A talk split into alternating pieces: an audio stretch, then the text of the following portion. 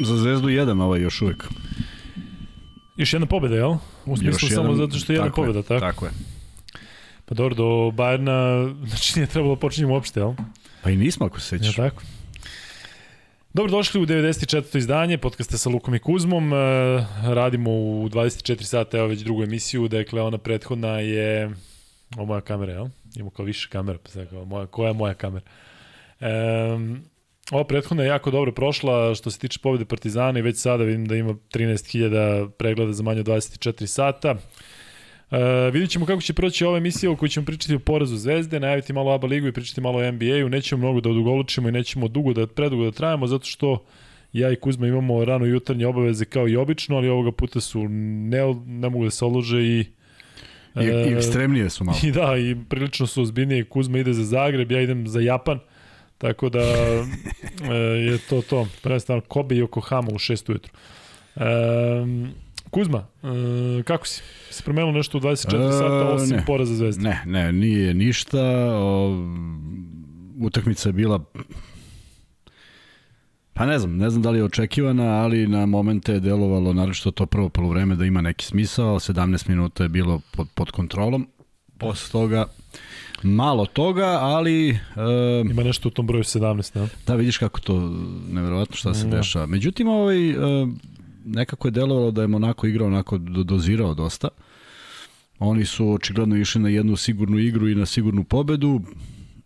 Uspeli u tome, ne verujem da je Zvezda to mogla da stigne, pa čak i da se igralo duže, pa čak i da je sve bilo savršeno, a mnogo toga nije. Pre svega, uh, slobodna bacanja koja su bila i kod jednih i kod drugih užasna, 67% obe ekipe. E, ono što je Zvezda uspela to je da bude bolje u skokovima, ali manje više sve to to je sve od nekih dobrih stvari, osim što je Petrušev odigrao jednu zaista dobru utakmicu, eto toliko smo ga pominjali ovde i ovo danas je bilo mnogo, mnogo, mnogo bolje. Bilo bi stvarno glupo reći da je napravio nekoliko grešaka u smislu zaista u kontekstu svega što se dešavalo ne bi bilo primereno, tako da odlična njegova utakmica i ja se iskreno nadam da ćemo ovo dati neko samopouzdanje da nastavi u ovom ritmu, s obzirom da se radi o izuzetno fizički, zahtevnoj i jakoj ekipi.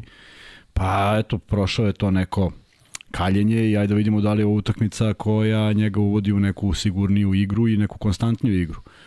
Uh, bljeskovi, bljesci koji su se desili bili su kratkotrajni, prvo zaista mislim da prvo polovreme nije bilo, u onome što smo gledali nije bilo mnogo razloga da se završi sedam, velikih sedam za Monako, pošto je razlika išla do četiri. Završilo se 7 i onda je to Zvezda anulirala u minuti 40 sekundi je bilo 7-0 za Zvezdu i od tog momenta umesto što veće agresivnosti jednostavno Zvezda se povukla i utakmica je odigrana u jednom egalu do samog kraja, zato što je na kraju 8, što će reći da je drugo polovreme odigrano jedan razlike prednosti za Monako.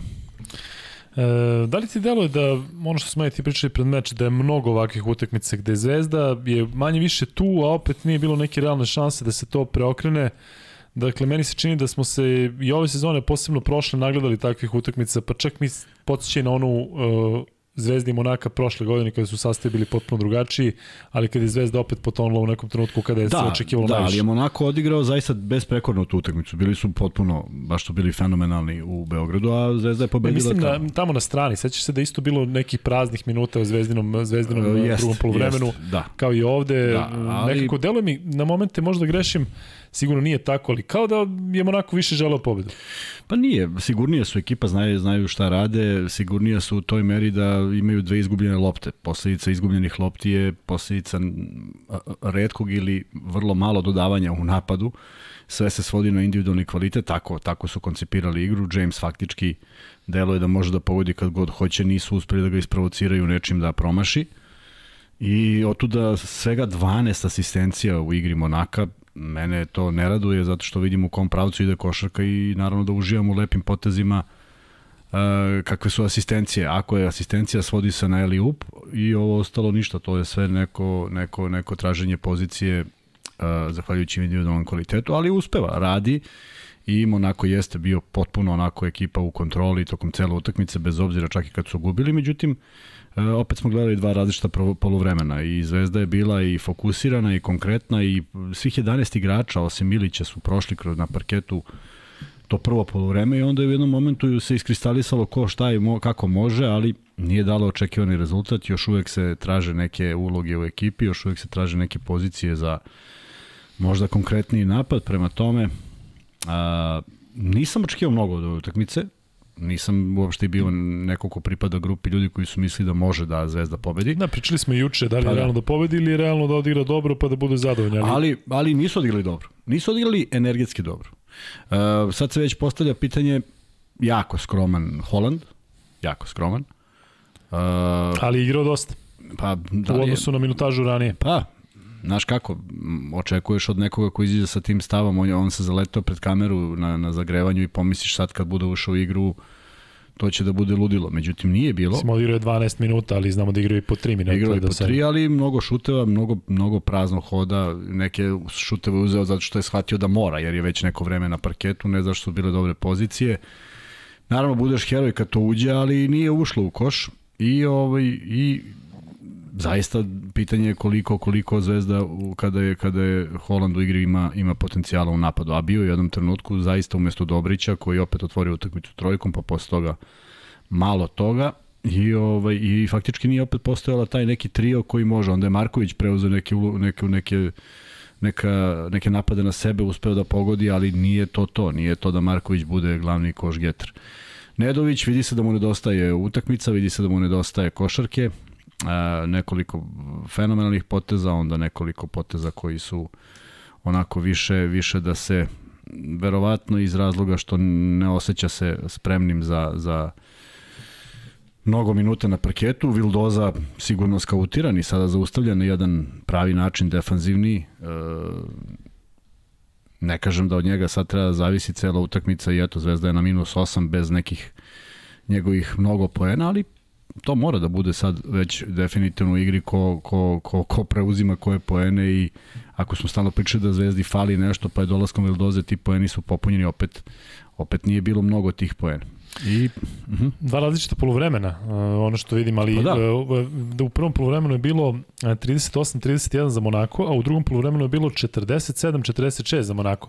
Ali ti delo je da je to, uh, ta razlika i kako je Zvezda igrala, da je to zavisilo od Zvezde ili su jednostavno oni ne, ne, oni su, kako oni su Monako pa su... Ne, oni su posle kontrolisali, ali da, da, da, ako, si, ako si odigrao dobro, a dobro prvo polovreme je bilo, osim posljednjih dva i po minuta, ja mislim da je šutnuto tri ili četiri, a možda i pet trojki i, i dva promašena slobodna bacanja. To je mnogo za jednu utakmicu Euroligije. I, ovaj, I tu je napravljena ta razlika na sedam koja nije bila ajde da kažemo preterano, preterano ovaj, ni velika, a nije bila ni zaslužena po onome što smo gledali. Uh, bili su to otvoreni šutevi, ne mogu da kažem da se šutiralo iz loših pozicija, ali nije završilo u košu. I umesto da drugo polovreme bude podjednako agresivno, jer Zvezda igrala dosta dobro, dosta dobro o, zaustavljala igru kad je to bilo moguće i pravila a, male faulove bez a, e, kazne za koš, međutim u drugom polovremenu ovaj, nije, nije to izgledalo kako treba. Jeste Zvezda uspela da postigne e, egal u skokovima i da na kraju bude malo u prednosti, ali e, skokove u napadu koje je hvatao Monako završavali su mahom u košu i u suštini radi se o ekipi koju, na kojoj se svakoj poziciji zna ko šta radi, tako da nema tu mnogo filozofije, kažem, igrali su u jednom ritmu koji im je odgovarao, da se možda manje potroše, e, sigurni su im strelci bili, nisu uvek, a danas jesu, nisu to bile ni lake pozicije, prosto jedan kvalitet koji posjeduju ti igrači i zaista sa ovom sa, ovom, sa ovim timom onako predstavlja još tvrđi orah i mislim da negde ne samo da gađaju top 8, nego će pokušati da budu uh, i više, na više mestu plasirani. Mislim da taj potencijal imaju jer su ta, tako koncipirali ekipu da imaju i jako malu, jako nisku, a brzu i, i dovoljno snažnu petorku. A sa Motijunasom opet mogu da prave e, ozbiljan problem pošto on čovjek možda pogodi s polja i onda još veća rupa u reketu. I tu, tu je veliki deficit onoga što smo gledali. Martin nije mogao da ga čuva nekoliko falova u napadu. Petrušev i dalje bolje čuva četvorke nego petice. Uh, Tako da nije bilo nikoga ko je mogao da odgovori ovaj, na, na to što je Motivunas igrao. E, Vanja, stavi samo pol, ono što volimo da, da vidimo koliko ima zvezdaša, koliko partizanovaca. Hm? E, nisam vidio. Ovde, ne čitam i donacije. Evo ga, Jovan 888, Jovan koji postaje ono ozbiljan sponsor ovog podcasta. Na kom gostujućem terenu Zvezda treba da traži pobedu, da li je realno da Zvezda iznenadi u Turskoj? Ajde Kuzma, odmah da odgovorimo na to kako, pitanje. Pa mislim.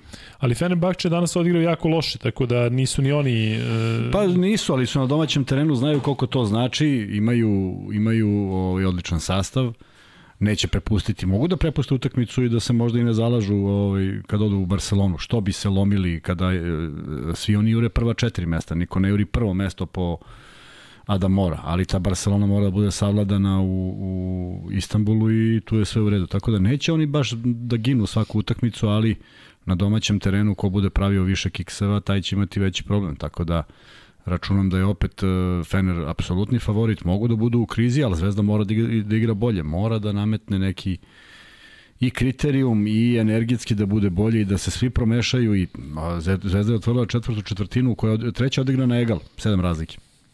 A 7 razlike, nije 7, ostalo je 7 razlike. Jeste. Ovaj, četvrta četvrtina od prvih pet e, probačaja kroz obruč, četiri su bila iz reketa i jedna trojka. Ne može tako da se, da se, da se otvori četvrtina.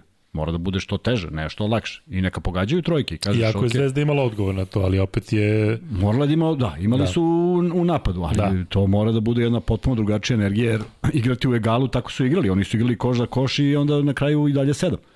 I stalno je nekako bilo sedam. I onda su bili neki momenti kada je to moglo da se smanji, nisu rešeni, nije ni važno. Zvezda je došla na 4 ili 6, vrlo brzo se to opet vratilo u neki stari ritam i prosto nisam ni jednog trenutka u zadnjih 4 minuta video koja ide. Kako da, kako da otmu neku loptu, kako nešto da preokrenu, kako nešto da ih nateraju. A do koga je to? Do energije na terenu ili do pa, trenera ili do čega? Mislim, mislim, pa sad, to je, to je, znaš, za, malo za diskusiju šta je bilo, šta je bio zahtev, kako je to ispalo. Prosto sumnjam da da ovaj, po reakciji i nervozi koju sam video, sumnjam da je baš bilo dogovoreno da svaki prolaz u prvih pet napada ide do kraja onako bez problema. Pre mislim da je, da je neko omanuo, ali to je sada na njima da analiziraju. Teško je ustanoviti odavde, međutim propust jeste zato što sa takvim ekipama samo možeš da igraš tvrdo i da ih uneseš u neku, uvedeš u neku nervozu kao što je od prvog faula James bio nervozan jer je dobio prvi faul, smatra da nije ništa uradio, možda i nije.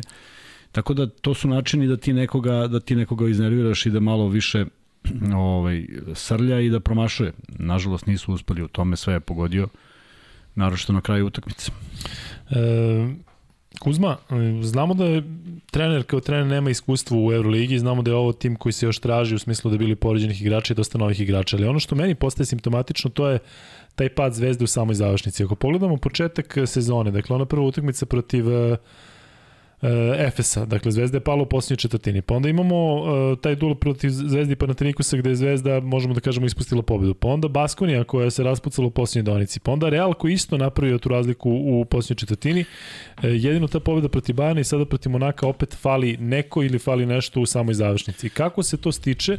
Da li to dolazi kada se jednostavno formira ekipa tako da znaš od koga šta očekuješ. Da, mora da znaš, mora da znaš. Mora, e, kad pogledaš, evo uzmeš sad za primer, nije, nije možda adekvatan primer, nema zvezda igrača kao što je James.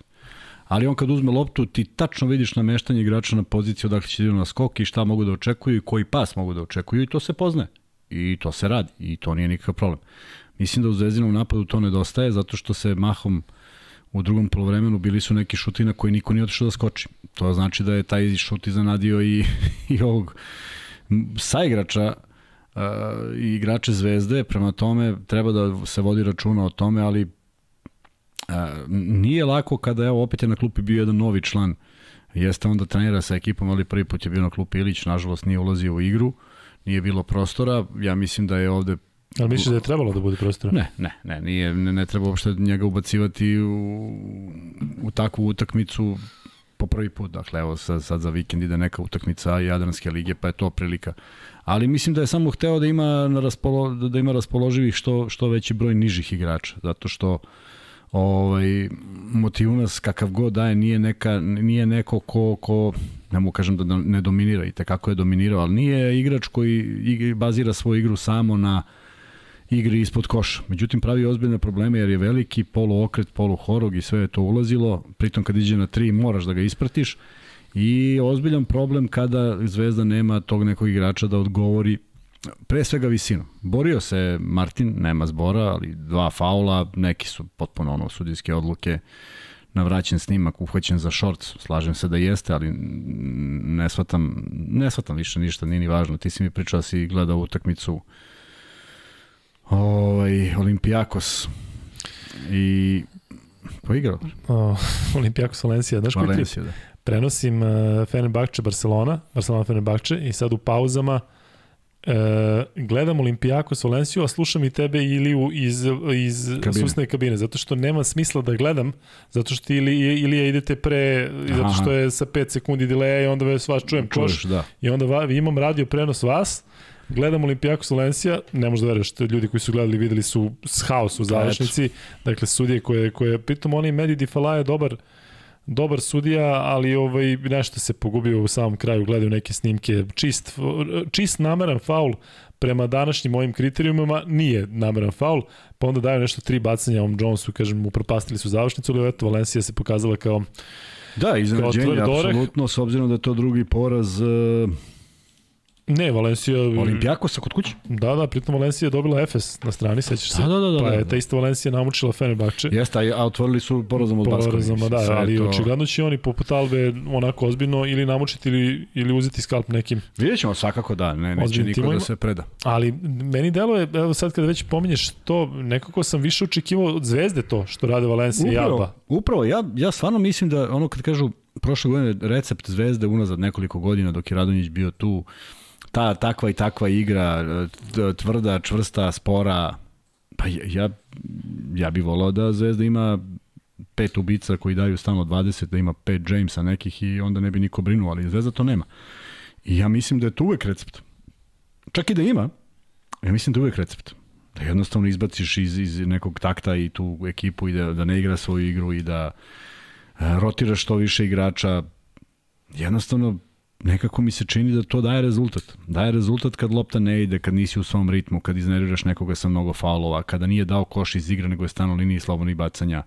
Pritom Lloyd promaši danas dva bacanja. Uh, nisu bili savršeni u tome, a manje više mi deluje da sve što su šutnuli su pogodili, prema tome izbor je prost, ajde da probamo ovako pa da vidimo, ako ne ide vratit ćemo na staro, ali kad se približava kraj utakmice, a Zvezda nije imala problem sa faulovima, baš ni u jednom segmentu, onda prosto probaš sve, sve ili ništa. Da.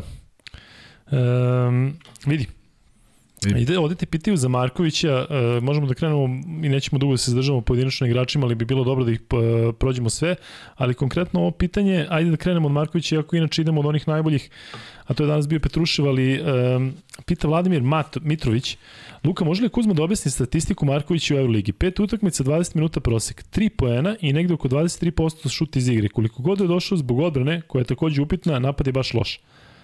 Kako 3 poena? Do ove utakmice? 3 poena u proseku, verovatno. A, 3 poena u proseku, pa da. Uh, uh, Marković je u, u klubovima u kojem igrao prilično besprekorno funkcionisao sa manje više istim ovaj, prosekom. I to je stvar koja mu je uloga. Ako on preuzme ulogu da šutne tri lopte jer mu se u posljednjim sekundima da lopta, onda nešto nije u redu u samom sistemu, pošto on ne bi trebalo da bude taj koji završava. Meni nikad ne bi bio. Ja ne bi dozvolio da on pored mene živog dobije loptu. Ako sam ja neki koš getter, pa bolje ja da uzmem jer se to od mene očekuje. Međutim, on vrlo hrabro uzima sve te šuteve, neki završa u košu, neki ne. Danas je bio sasvim solidan, protiv Goke je bio sasvim solidan, vraća mu se verovatno i osjećaj za šut, zato što, kažem, polomio je prste i dugo igrao sa bandažom, nisam primetio da li danas igra. A, jedan igrač koji može da, da odigra odbranu, koji može da asistira, ali Ali gde su njegove asistencije? On je u Zenitu imao dvocifren broj asistencija. Pa, I ne verujem da sad to s godinama ide da ti imaš manje asistencije, imaš možda manje minuta ne, i manje slobode, ali valjda te osjećaje sloboda, to mora da bude, ali to mora da bude u prave kretnje i ekipa mora da diše kao jedan, ti još uvek ne znaš, tamo ipak ima igrače koje je poznavao, ovde manje više još uvek ne poznaje kretnje pojedinih igrača i mislim da otuda luta. I nije jedini koji luta, ali kažem, negde, negde u celoj toj priči me ne, ne zabrinjava Markovićev napad Ali dakle, pet trojki da šutne Marković, to, to da zaista delo mnogo. Za njega, za njega ranije. Pa jeste, da. Pa jeste, ali prosto zamisli kad mu se vrati lopta na 3 sekunde do kraja. Šta da. sad treba da uradi? Šutne i nije pogodio ništa. Onda je pogodio iz ćoška, pa je pogodio još jednu. Dakle, uzima on dosta hrabro jer to su momenti kada neko mora preuzme odgovornost. I šta bi trebalo da uradi? Sakrije, da, da je dribla. Mislim, šta da, šta da uradi u tom momentu? Na, u, da se sakrije. Pa ne, kao nastavi da dribla i kao uf, nisam vidio da je istekao napad. Mora da šutne. Drugo, još bi bilo ružnije da traži nekoga u toj posljednjoj desetinki, tako da mislim čovek ipak ima dovoljno iskustva i vrlo je pouzdan igrač u sistemu kad mu se nađe uloga. Ovo nije njegova uloga i kad izađe iz nje onda upada u oči. E, statistika Marković izgleda ovako. On je danas odigrao 16,5 minuta, postigao 8 poena, imao za 2 1 od 2, za 3 2 od 5, nije bio na liniji penala, imao je dva skoka, tri asistencije, jednu ukradenu i imao ni jednu izgubljenu. Tako da ovo čak i nije bilo loše od Markovića Tako statistički, je. posebno za minutažu koju je imao. Tako je, ali mnogo je, mnogo je lopti uzeo za šut. E, da se vratimo na Holanda koji je postigao 5 poena za tih 11,5 minuta, međutim trojka 1 od 4, za 2-0 od 1, pogodio oba slobodna bacanja, imao dva skoka i asistenciju. Malo. E, a opet i malo minuta, jer jedan od igrača Holanda, ono što smo pričali juče, da mora da zaradi, zaradi minute na parketu nekim potezom, nekim šutem, nekim, nekim ne znam. Nije, nije u što nisam siguran. Da ne bude da sam siguran kad Dobrić šutira, jesam godinama, jesam, ove godine nisam, ali u Holandan prosto ne znam, nekako, nekako ima taj neki, ne znam da li si primetio, cupne kad, kad krene u, u znaš, ima neke prilično čudne pokrete koji njega očigledno ovaj, mu odgovaraju čim ih radi, ali uopšte ne znam šta će se desiti iz tog napada. I ono što mi je vrlo interesantno, još nije uspeo da ostavi nekog iza sebe u, u igri 1 na 1. Dakle, baš u igri 1 na 1 da prođe i dode do kraja. Sve je sa čovekom na ramenima, sve je nešto sa, sa u čovek koji ga prati u stavu, šutevi uvek neko tu stoji, nikad dovoljno sam. A, opet je ušao kasno u 15. minutu, što negde uh, govori da nije nikako ni prva ni druga opcija, što jeste sad njemu sigurno ovaj, i smeta. Ali vrlo brzo je uzao te šuteve koje je promašio, pogodio je tek u drugom polovremenu, dva bacanja i trojku, međutim malo od igrača koji, koji tom energijom mora da pokupi neke lopte, da odigra odbranu 1 na 1 tako da ovaj ne da koš, ne da da koš, nego da ne da i te neki segmenti koji su zaista, a ne da on sad treba da je 20 i nešto poena ali da igra na 10 poena i sa dobrom defanzivom mislim da može. Ja sam čak njega ovaj, prokomentarisao da bi trebalo da bude neko ko preuzme 4, pa čak, ajde da kažem, ne, ne 5, ali 4 da preuzme, mislim da ne može. Mm. Prosto svi su, svi su, svi su nekako jači i bolje rešavaju to. Da, ali on onako fizički delo da bi mogao. On bi delo da mogao, ali, ali znaš kako, on zakasni, on Moerman prima loptu, on zakasni. On u startu zakasni, pa onda čemu služi? Bolje da i da izletiš pa nek Moerman krene na ulaz. Znaš koliko se redko odlučuje, bar bi trebalo da zna koliko se redko odlučuje na tako nešto. Da, e, naš pratilac Jadranka Pokidala, kaže Ivanović u većem kanalu od Holanda. E, Jeste, sigurno. Ali hajde tek, onda da, da, pričamo, tek. da pričamo i o njemu. Dakle, Ivanović je danas odigrao 8 minuta, dao 2 poena i bukvalno nije imao ništa više, sem toga napravio jedan faul. Dakle, on, poena. on je postaje nevidljiv na da, terenu, da, što je da, baš onako da. zabrinjavajuće. Jeste, zabrinjavajuće. Dva poena iz, iz nenormalno teške situacije za, za dešnjake. Dakle, desni jak dribling u napred i skok veruj mi, malo je ljudi to, to pogađalo u ozbiljnom procentu, nije ni malo naivna stvar, ovaj, mnogo je lakše iz leve, iz desne stvarno treba da bude i dobro pozicionirano telo, pogodio je i sad pomisliš uha haj, međutim ništa se ne desi. U odbrani ništa, u napadu levo desno, levo desno, već ga sad skautiraju i vide da to radi i provalili su da kad napravi fintu i da svi znaju da ide na foru, onda se on vrati, oni svi sačekaju. Pritom vide da je nesiguran, da, pa još veći mora pritisak. da pročita nešto, mora da pročita nešto i ta igra mora da bude jednostavnija, mora bude u manje driblinga kako god zna i ume. Da li nema poziciju, da li nema samopouzdanje, da li nešto treće ne znam, sad krećemo, znaš, već, već smo došli od tri igrača koje smo pomenuli, dvojica su sa prilično lošom statistikom, a onda ima neko čuđenje kako Zvezda nije odigrala bolje, znaš, pritom to nisu ma koji igrači, nego bi trebalo da budu igrači koji nose tu igru. A razočaravajuće je stvarno to što od tih nekih igrača od kojih smo očekivali dosta, pamtimo njihove, to što kažeš, opisujemo jedan koš zato što pamtimo taj da, koš je, od znaš, početka do kraja, to, kao naš... Kao Holland zakucao protiv da, Bajana, svi se digli na da. noge, kao super. Mislim, i eto, to će mu očigledno biti i highlight u ovom prvom delu sezona, pa, vidjet ćemo dok će opstati da. kako će. E, Luka Vildosa, od njega se definitivno očekivalo više, 25 minuta na terenu, 5 poena, 0 od 3 za 2, 1 od 3 za 3, 2 od 2 sa penala, 4 asistencije, 3 izgubljene. E, nekako, naravno, još je uzorak mali zato što je Vildosa još uvijek tek stigao, ali baš mi je drugar rekao, kaže, vidit ćemo kad Vildosa odigra loše, kako će to uticati na zvezdu. Kako naravno, uticalo sada? Uticalo, uticalo, uticalo je dosta zato što su se ti poeni, to, pa i sad govorimo o od desetak pojena, ne više u utakmici koja je stalno bila na 7-8 pa je otišla 1 do 12. Dakle, od njega se zaista očekivalo više. Nije, nije imao dobre pozicije, nije našao dobre pozicije. Naravno, sad više niko ne prepušta slučaju. Kažem, Saša Obradović je sigurno kasetu gledao pre nego što se je završila utakmica protiv Bajerna. On je već gledao početak video da ne sme da greši, odigrali su odličnu odbranu, zaustavljali ga kako god e, su znali i umeli, čak i faulovima i to nije bilo ništa sporno. A, nije pogodio nešto što je pogađao do sada, nije lako igrati u tom nekom elanu koji te drži, a mislim da treninga nije bilo. I opet mora da nađe neko svoje mesto. Na primjer, uzeo je šut i nijedan igrač Zvezda nije znao da će onda šutne. 100%. Jer prosto nikog nije bilo u reketu. Ta to što, što pričaš, kada James uzme loptu, očekuješ tako je, nešto je, i znaš otprilike šta, tako šta e, može da mora da legne. Ali to ne može da legne zato što su oni svaki dan neke nove petorke, neki novi ljudi, nešto se dešava. Prosto ne može. Znaš, ti ako si igrao do sada, si igrao sa Raduljicom, kad je u igri, sad nemaš, nemaš uopšte kretnju takvog, takvog igrača. Nema više tog spuštanja pod koš. Petrušov se ne spušta ni, ni na taj način, ni tom brzinom, naprotiv on otvara. Sad odjedno imaš Martina koji isto nije igrao leđima, nego je uvijek bio u, u paketu s nekim Mitrovićem kojeg nema. Pa je onda on možda igrao na četiri. Inače i Martin je ozbiljno, ozbiljno pitanje šta je to što je nešto od njega što može da se dobije sigurno, jer e, Motivunasa kad vidiš i kad uzme ono dva puta sa penala, sa, sa iz reketa buđ buđ, to Martin promaši. Isto tako, samo treba da je frne u koš sa dva metra i Bentilion. Dakle, nema sigurnih poena. Motivunas će uraditi ovaj pokret jedan kroz jedan, svi znaju, cela hala zna. On će šutno da pogodi ili da promaši, zavisi, ali on to radi sa ozbiljno dobrom, dobrim procentom, kad ne zna šta će da uradi onda uradi to. Da, pritom kad on podigne na fintu, to je Tako, naš, a mnogo je visoki. Sad ti kada, ako, Jeste. dva puta, dva puta Martin izlazi kao da ima 4,50, on dva puta izlazi da lupi bananu i za njega ostaje čovjek koji ubacuje loptu u koš. Pa aj nemoj da ideš, kad već nemaš taj, taj, tu visinu, bolje da ostaneš kod ovog. E, Kuzma, ali evo Sale Božić koji je tu zaista dugo sa nama i bukvalno samog početka onako slikovito objašnjava i e, kaže da je... Uf, sad mi pobeše. Ej, majku.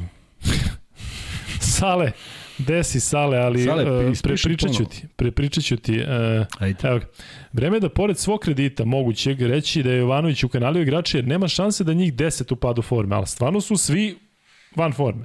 Je to od trenera? Je to... Do čega je to? Ne možemo da kažemo da je do treninga ili do, do, nek, do toga što se igrači vraćaju zato što nemamo ni jednu fit ekipu u Euroligi. Evo, sve ove što ja prenosim uvijek neko fali. Ti sad imaš u Barceloni gde fali Mirotić od početka kao najbolji igrač. Nema to Kjurika koji je čist šuter, ali to se nekako kompenzuje. Ali mi zaista, evo sada kada budemo nastavili da prolazimo kroz igrače, mi o svakome pričamo Slažem da su van forme. Je, je Skariolo u, u, u kanalio svoju ekipu? Misliš na, na Virtus. Virtu sada? Da. Da, ali oni bljesnu, pa imaš nekog ko bljesne. Ma šta je bljesno, izgubili su utakmicu kod da ih nije bilo. Jeste, ali... Izgledaju kao rekreativci. Ali su pobedili su Real na strani. Sve stoji, ali da li ih je ukanalio danas? Danas ne znam, ali kad imaš konstantno ja istu priču... Pa nije konstantno ista priča. Prvo, ajde, ajde vratimo ekipe proti koji su igrali. Dakle, Monako je top 8, ovi su top 8 i ovi su top 8. Ima tri top 8. Pao je izgubljen zato što nije bilo igrača. Sad ispadne ja branim Vlado Jovanovića. Hoću da kažem da ne možeš da napraviš nešto od ekipe kad nemaš celu ekipu. I oni su po prvi put danas opet, opet još jedan novi igrač. A je sad moje kontra pitanje. Dve lopte je Zvezda izgubila u prvoj liniji. I dve kontre su senule. Šta treba da uradi trener? Baš me zanima. Mislim da ne misli ljudi na to, nego što Evo, napadački nemaš jednog igrača pa što ti sam kažeš da pa imaš da ima loptu. Pa dosi da pogađa. Pa smo gledali Nedovića... I danas nije pogađao i nema nikoga nije, da ga zameni. Pa nema Ti ne možeš da očekuješ od Markovića, od Lazića. Da, pa, onda treba da se pomeri Zvezda sad ove sezone da od Markovića, Lazića, Ivanovića napadački nema ništa. Ne, nije, pa ako nije, malo pa, bude u odbrani nešto i neka asistencija. Ne znam, ne znam. Mislim, jako je to sad teško govoriti. Marković je čak bio i najbolji od tih koje spominješ po broju poena. Dao je 8 poena. Dao je više da. od Vildoze. Dakle, danas je skautirana utakmica tako da su uradili sve da Vildosa ne da koš. I tako su igrali. I nije mu bilo lako. Imao je odbranu na sebi i konstantno. Ali nisu očekivali da će Petrušev tako odigrati. Sad ko mi kaže da je očekivao od Petruševa, ovo i sad i on izmišlja. Dakle, Bentel 14 pojena. On je u svom proseku nekom. Ali mora još neko. A sad, možemo da analiziramo zašto Ivanović ne igra kako, kako, kako, kako svi očekuju. Pa zašto? Ajde da pitamo zašto. Ali ako kažeš da skautirali su, znali su Zvezdu Vildosa, je li skautiran onako dobro? Da znaš da su James, da je James James i da je Motivunas Motivunas, oni su odigli svoje i odradili svoje.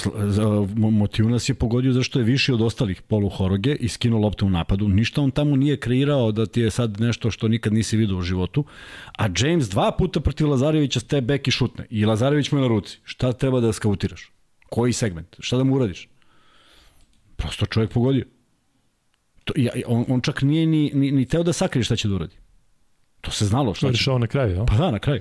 Ove dve trojke. Pa da. Tako da, znaš, on, on, on puca od samopouzdanja, bi volao Zvezda ima takvog igrača. Zvezda bi bilo divno da ima Pantera koji šutne 9 od 7, 7 od 9, je tako? Ali i to smo konstatovali, dešava se svaki put. Pa kad se ne desi, opet neko mora da nadomesti. Pa, na primer, ja očekujem da Dobrić uđe u, neku, u neka dva, dve cifre. Ali ne dešava se. A neko je ko ima i, i, i, i sposobnosti i trebalo bi ima iskustvo sada. Treba da zna šta treba da radi. On opet dođe u problem da izgubi loptu. Pa onda uđe u tri igrača, hoće da doda Petruševu u, na, na pola kvadratnog metra. To se ne radi, a to je, to je već nedostatak koncentracije, nema šta drugo, nema upričam više o iskustvu, nije Dobrić mlad. On treba da digne kad je sam, da digne kad je sam, da digne kad je napravio fintu na prodor, kakvo dodavanje, kakvi, kakve ove asistencije i to. Ne treba od njega. A to do trenera, da on sad kaže, alo Ognjene, Udi, idi, igraš 30 minuta, šutni 0 od 12, nema veze. Jeste do trenera. I ja mislim da on svaku utakmicu i počinje sa takvom sa takvim pristupom i ja mislim da mu nikad nije prigovorio na šut. Paš nikad.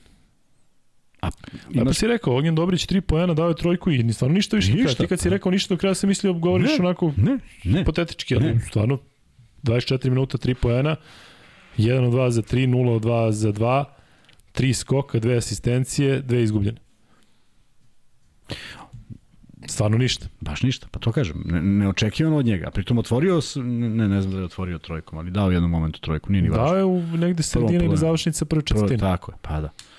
Tako da, eto, to su neki problemi zbog čega, kako, šta, neka analizira kogod želi. Ja ne vidim da, da ja ne vidim da ovaj postoji problem uh,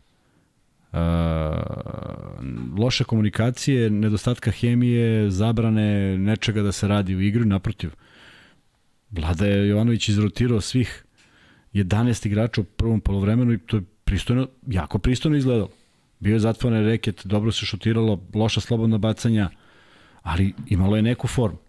I sad odjednom ti malo probereš šta je tu valjalo i onda u jednom trenutku imaš petorku a, Vildosa, Nedović, Dobrić, Bentil i Martin. Pa Martin izlazi, ulazi Petrušev. E to je onda. I ne odbrane ništa. Pa kako, šta sad radim? Zar nije to petorka koja treba promeni igru? Napadački jeste, ali moraju da odbrane nešto. Hajde kada pominjemo već i Nedovića u toj petorci u kojoj si govorio, danas mi deluje da njegova selekcija šuta posebno u posljednjoj četvrtini je bila onako prilično divlja, ali opet ja s jedne strane smo pričali, to su neki njegovi šutevi, te uzimao po netriku su pe pogađa, čovjek igra u Golden State-u, tamo je navikao da primi loptu, šutni ali, i, ali ovde, samo rok. Ovde to, ovde, ovde mora podine na nivo, veći nivo odgovornosti kada uzima takve šuteve. Dakle, ne znam za Jamesa da li on mora da ima neku odgovornost, ali Nedović mora bude predvodnik zvezde u nekom raciju u napadu i u krajnjem slučaju da se zna šta će da se desi. A, ja razumem da on još uvek traži šut i da, da zato nekad i forsira i nema veze što je forsirao danas, ali nisu to bile pozicije koje, u kojima je on baš toliko dominantan, naravno kada izlazi iz povrede. Možda kada se bude oporavio, kao što je prvi, prva trojka bila fantastična finta šuta, čovjek naseo, on se pomerio i šutno i to je to. Nekoliko trojke je bilo baš preko čak i viših igrača. E to mora da, to mora da učini sve da to ne radi, nego da jednostavno nađe neki drugi put do koša. Ja se uvijek pitam sa tom brzinom koliko je lako obići nekoga, ali treba budeš u formi, treba budeš spreman, pitanje je koliko je on trenirao, pitanje je koliko ovo stiže zamor ovog uh, ulaska u jedan u jedan ovaj ritam koji nije ni malo lak iz, iz dana u dan si u utakmici i pitanje je kako njegovo telo reaguje na sve to tako da teško da je ovaj da je da je blizu neke svoje forme. Nedović 13 poena, 3 od 8 za 3, 0 od 1 za 2, to je zaista jedno polaganje baš... koje je izašlo iz koša Uglavnom su bili to šutevi za tri A što kažeš tom brzinom se valjda podrazumeva da ćeš U, ići češće treba, pa tako je, Pa makar je bilo i 2 od 6. Ali Tako je, da, samo nešto se desi. 4 od 4 sa penala što je dobro posle Da. onog početka Da, da. na mučenje protiv Goke. Jedan skok i dve asistencije, 23 minuta ukupno. E, kada gledam Nedoviće trojke 3 od 8, odmah ispod vidim, vidim e, trojke Crvene zvezde 11 od 29, za igru Crvene zvezde od 29, trojke mnogo šut. Mnogo. A mislim da imaju manje dvojke. 14 od 30. Pa eto, jedno, Dakle, jedna više, jedno. da. Ne može, zato što, zato što je ta serija od tih nekoliko, 3, 4, 5 trojki proizvela tih plus 7. Mora drugačije, bez obzira da li su one čak i bile otvorene. Ali ne može svako baš da testira. To je ono, to je razlika. Sad, nemoj da testira svako. Mislim da je bilo više igrača koji su šutnuli, a mora neki drugačiji put do koša, mora nešto sigurnije, moram nešto iz reketa. Žao mi što, što nije Mitrović bio tu, mislim da on stvarno donese tu neku sigurnost. Baš se mnogo fali, baš zbog te sigurnosti. E sad pitanje je kako će se on vratiti i sa kojom kada uopšte i u kojoj formi i tako dalje. E, da nastavimo dalje, vidim da ovde i dalje kritikujete Lazića, 12 minuta, 2 poena, 3 skoka, bez asistencije. To je otprilike to što Lazić igra ove godine, to i dalje igra, tako da... E, da Dao je prvi koš na utakmici, skinuo loptu, dao koš, iznudio faul, nije pogodio bacanje i to je bilo to što se napada, napadačkog dela tiče. e, imaš još nešto oko Lazića? Ne, Lazarević 7 poena, 3 od 3 za 2, 0 od 1 za 3, 1 od 2 sa penala, 4 skoka. Nije to izgledalo loše na moment. nije, nije ni izgledalo Posebno loše. ako vidimo koliko se troši u odbrani. tako je, nije izgledalo loše, zaustavio je manje više sve što je mogao, neke lopte su mu prošle kroz ruku, ali da je svako napravio taj učinak, Zvezda bi bila, bila konkurentnija, tako da ovaj, nije uopšte bio loš, samo što um, i dalje nema, nema tu potrebnu dozu samopouzdanja, na primjer na neku loptu povratnu kada već ističe napad, on je prima i prosto da bi naterao odbranu da reaguje, ti moraš da je primiš tako kao da ćeš da šutneš, čak i ako nećeš. A on je primi i kako je prima, već je govor tela da je dodaje. Dakle, nekad je banalna finta i kad pogledaš koš, pa o igrač mora krene makar prema tebi. Ovako, svi stignu da rotiraju zato što nisi kupio malo vremena sa tom fintom. Tako da mora, mora sa više samopouzdanja, uzeo je jedan šut, zaista sam mislio da će biti lepo izbacio, ali posle toga čim on promaši jednu, teško da će uzeti ponovo neki šut za tri. Um, A i mislim da je upao u tu seriju baš tih dva minuta posljednje po, druge četvrtine. Uh, Kuzma, imaš neki problem sa petorkom Zvezde? Jel bi tu nešto menjao? Vildosa, Lazić, Dobrić, Bentil Petrušev? Tako je startovala? Ne. Da. Ne, zašto je zamišljeno da Lazić ide na Jamesa, da ga čačkao, čačkao ga od početka, on je samo nešto pričao o sudiji, čak sam mislio da će ako uspiju malo da ga iznerviraju da će reagovati prema To sam ja, sudijama. malo pre kad sam rekao scouting, mislio Tako sam je. da će na tu varijantu da idu, Tako malo je. James isprovociraju, zato što kod njega Pa to da. onda da Pa da. 40, ali zna da ode u kontra. I ja, ja iskreno ne bi Lazića skinuo uopšte sa Jamesa. Ja bih rekao igraj, Lazo, pet, kad napraviš, izađeš, šta ima veze. Ovaj, makar neki pokušaj. Ovo ostalo su četiri napadača koja su u svim nekim parametrima izuzetno kvalitetni napadači. Na to sam mislio kad sam pričao o scoutingu Jamesa, da ga Lazić ako treba da, da, Da, bude treba neko fouled out trči, u prvom polovremenu i je, eto. Da. E, Hasan Martin, zaista malo, dakle ovo sad sa zvezdanim strancima tu, konkretno mislim na Holanda i Martina sve više bode oči. Jeste. Dva poena, jedan od dva za dva, dva skoka, dve izgubljene. Ti imaš, pazi, ti u Zvezdi nemaš nijednog igrača, dakle šest skokova ima Petrušev i niko drugi nema više od tri skoka, a ta tri skoka ima Stefan Lazarević. Pa da.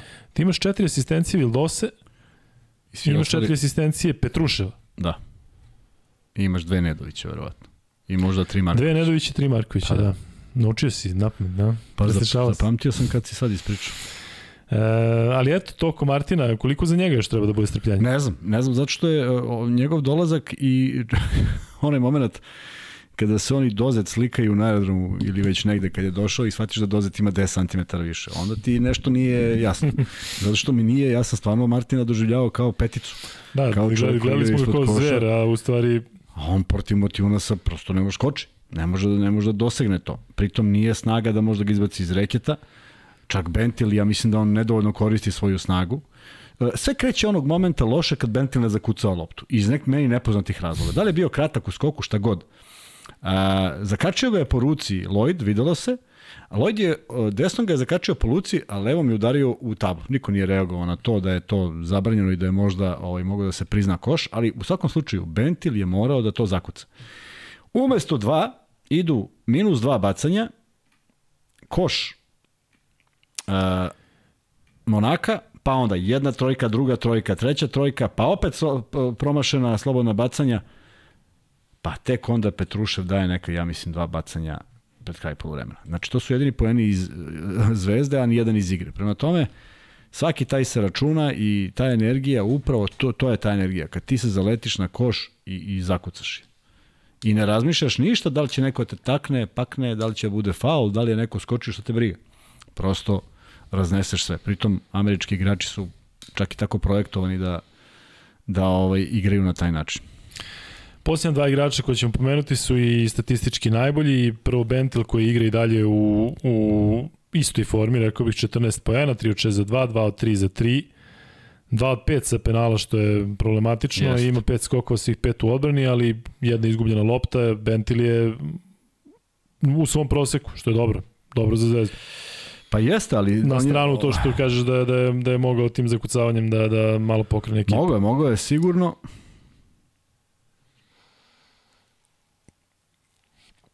Šta je bilo? Si dobar? Dobio sam poruku, ne da. Uh, mogao je sigurno, uh, zato što on je stvarno odigrao dva puta po sedam poena. Tako, tako bi okarakterisao njegovu igru. Sedam u jednom momentu i sedam u drugom momentu. A to podizanje ekipe, pa sam znaš koliko znači i koliko je skočilo ljudi kada je taj Holand zakucao tu jednu jedinu loptu i ispostavilo se, znaš, on zapamtili svi za, za uvek kako je on zakucao, to on dao dva poena. Uh, zašto se tu vidi neka energija koju ekipa ima? Nije bilo danas, zaista je nije bilo. Trudili su se mnogi, ne svi, ali ovaj Bentil je odigrao još jednu standardno dobru partiju, ali mislim da mora da povuče onim segmentima, sad je tu pitanje koliko on može da povuče iz prostog razloga što je on navikao da igra neke neke backup pozicije tokom svoje karijere. Sad baš da krene u lidera, teško. A ono što je drugi problem, što mislim da je problem, on ne sme da igra u, u takvim serijama. Mislim da je mnogo zgodnije da postoji ideja kako se Bentil uvodi u igru. Jednim napadom spušta se dole, drugi, da, da ne bude da je čekao loptu 4,5 minuta. Nije pipnu loptu. Najbolji strelac, generalno, prosečno. Prosto mora da je pipne. Mora nešto da uradi s njom, mora da pokuša neki koš. E, tu možda postoji neki, neki, neki način kako drugačije ući u utakmicu i napraviti što raspoloženije igrače za igru. Prekidam sad ovo priču o Zvezdi, zato što kaže ovde Luka šta bi sa prijenosom Fener i Barcelona bez komentatora na srpskom i na hrvatskom sport klubu. Na srpskom sam ja komentarisao išlo sve vreme na sport klubu 4, tako da ne znam šta je sa, sa hrvatskim sport klubom. Tako da u, u live-u je išlo. Dakle, ja slušao sebe zato što često sebe proverim, zato što nekada zna tehnički da, da nastane neki problem, ali čuo sam sebe, tako da ne znam ovaj, u live-u išlo šta se dešava dalje, to ne znam. Ali e, da se vratimo na, na Zvezdu i na Petruševa, dakle, šta je, tražiš prenos, komentar? E, Petrušev, Zvezda ipak dobila danas Petruševa, tako uzma, 16 pojena, 12 skokova, 4 asistencije, da nam je neko pričao da će ovako da odigra pre nekoliko dana kada smo pričali o tome kako mu fali energija, Tako kako je. mu fale poeni, ovo je zaista dobro, 4 od 6 za 2, možda previše trojki šutira Petrušev za neke moje ukuse, zato što mislim da ima oni koji bi trebalo da uzimaju te šuteve, 1 od 3 za 3, 5 od 8 sa penala, to delo je sasvim pristojno. Deluje odlično. Sve deluje, sve deluje odlično, mnogo čvršći, mnogo čvršći u duelu. Samo moram da Vanji pošaljem nešto ako može da objavi ovo, pošto je izuzetno aktuelno.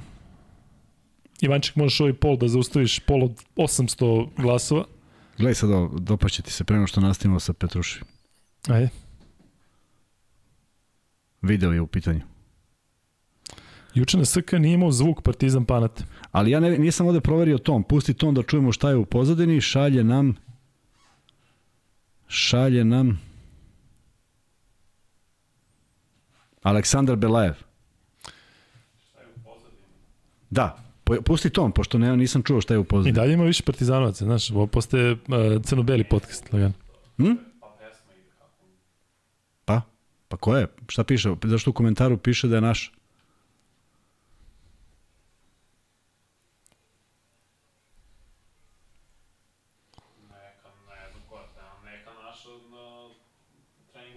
Pa da. Ali ovo je sada. Jeste, jeste, normalno je, normalno je. Ma ne, znam da je normalno, nego sada čovjek snimio. Da, Aha, pa zato pusti. Ne moraš to nam. Znaš što se sad dešava? Gledam da mi je majica ova, nije, nije neki stariji podcast. stra.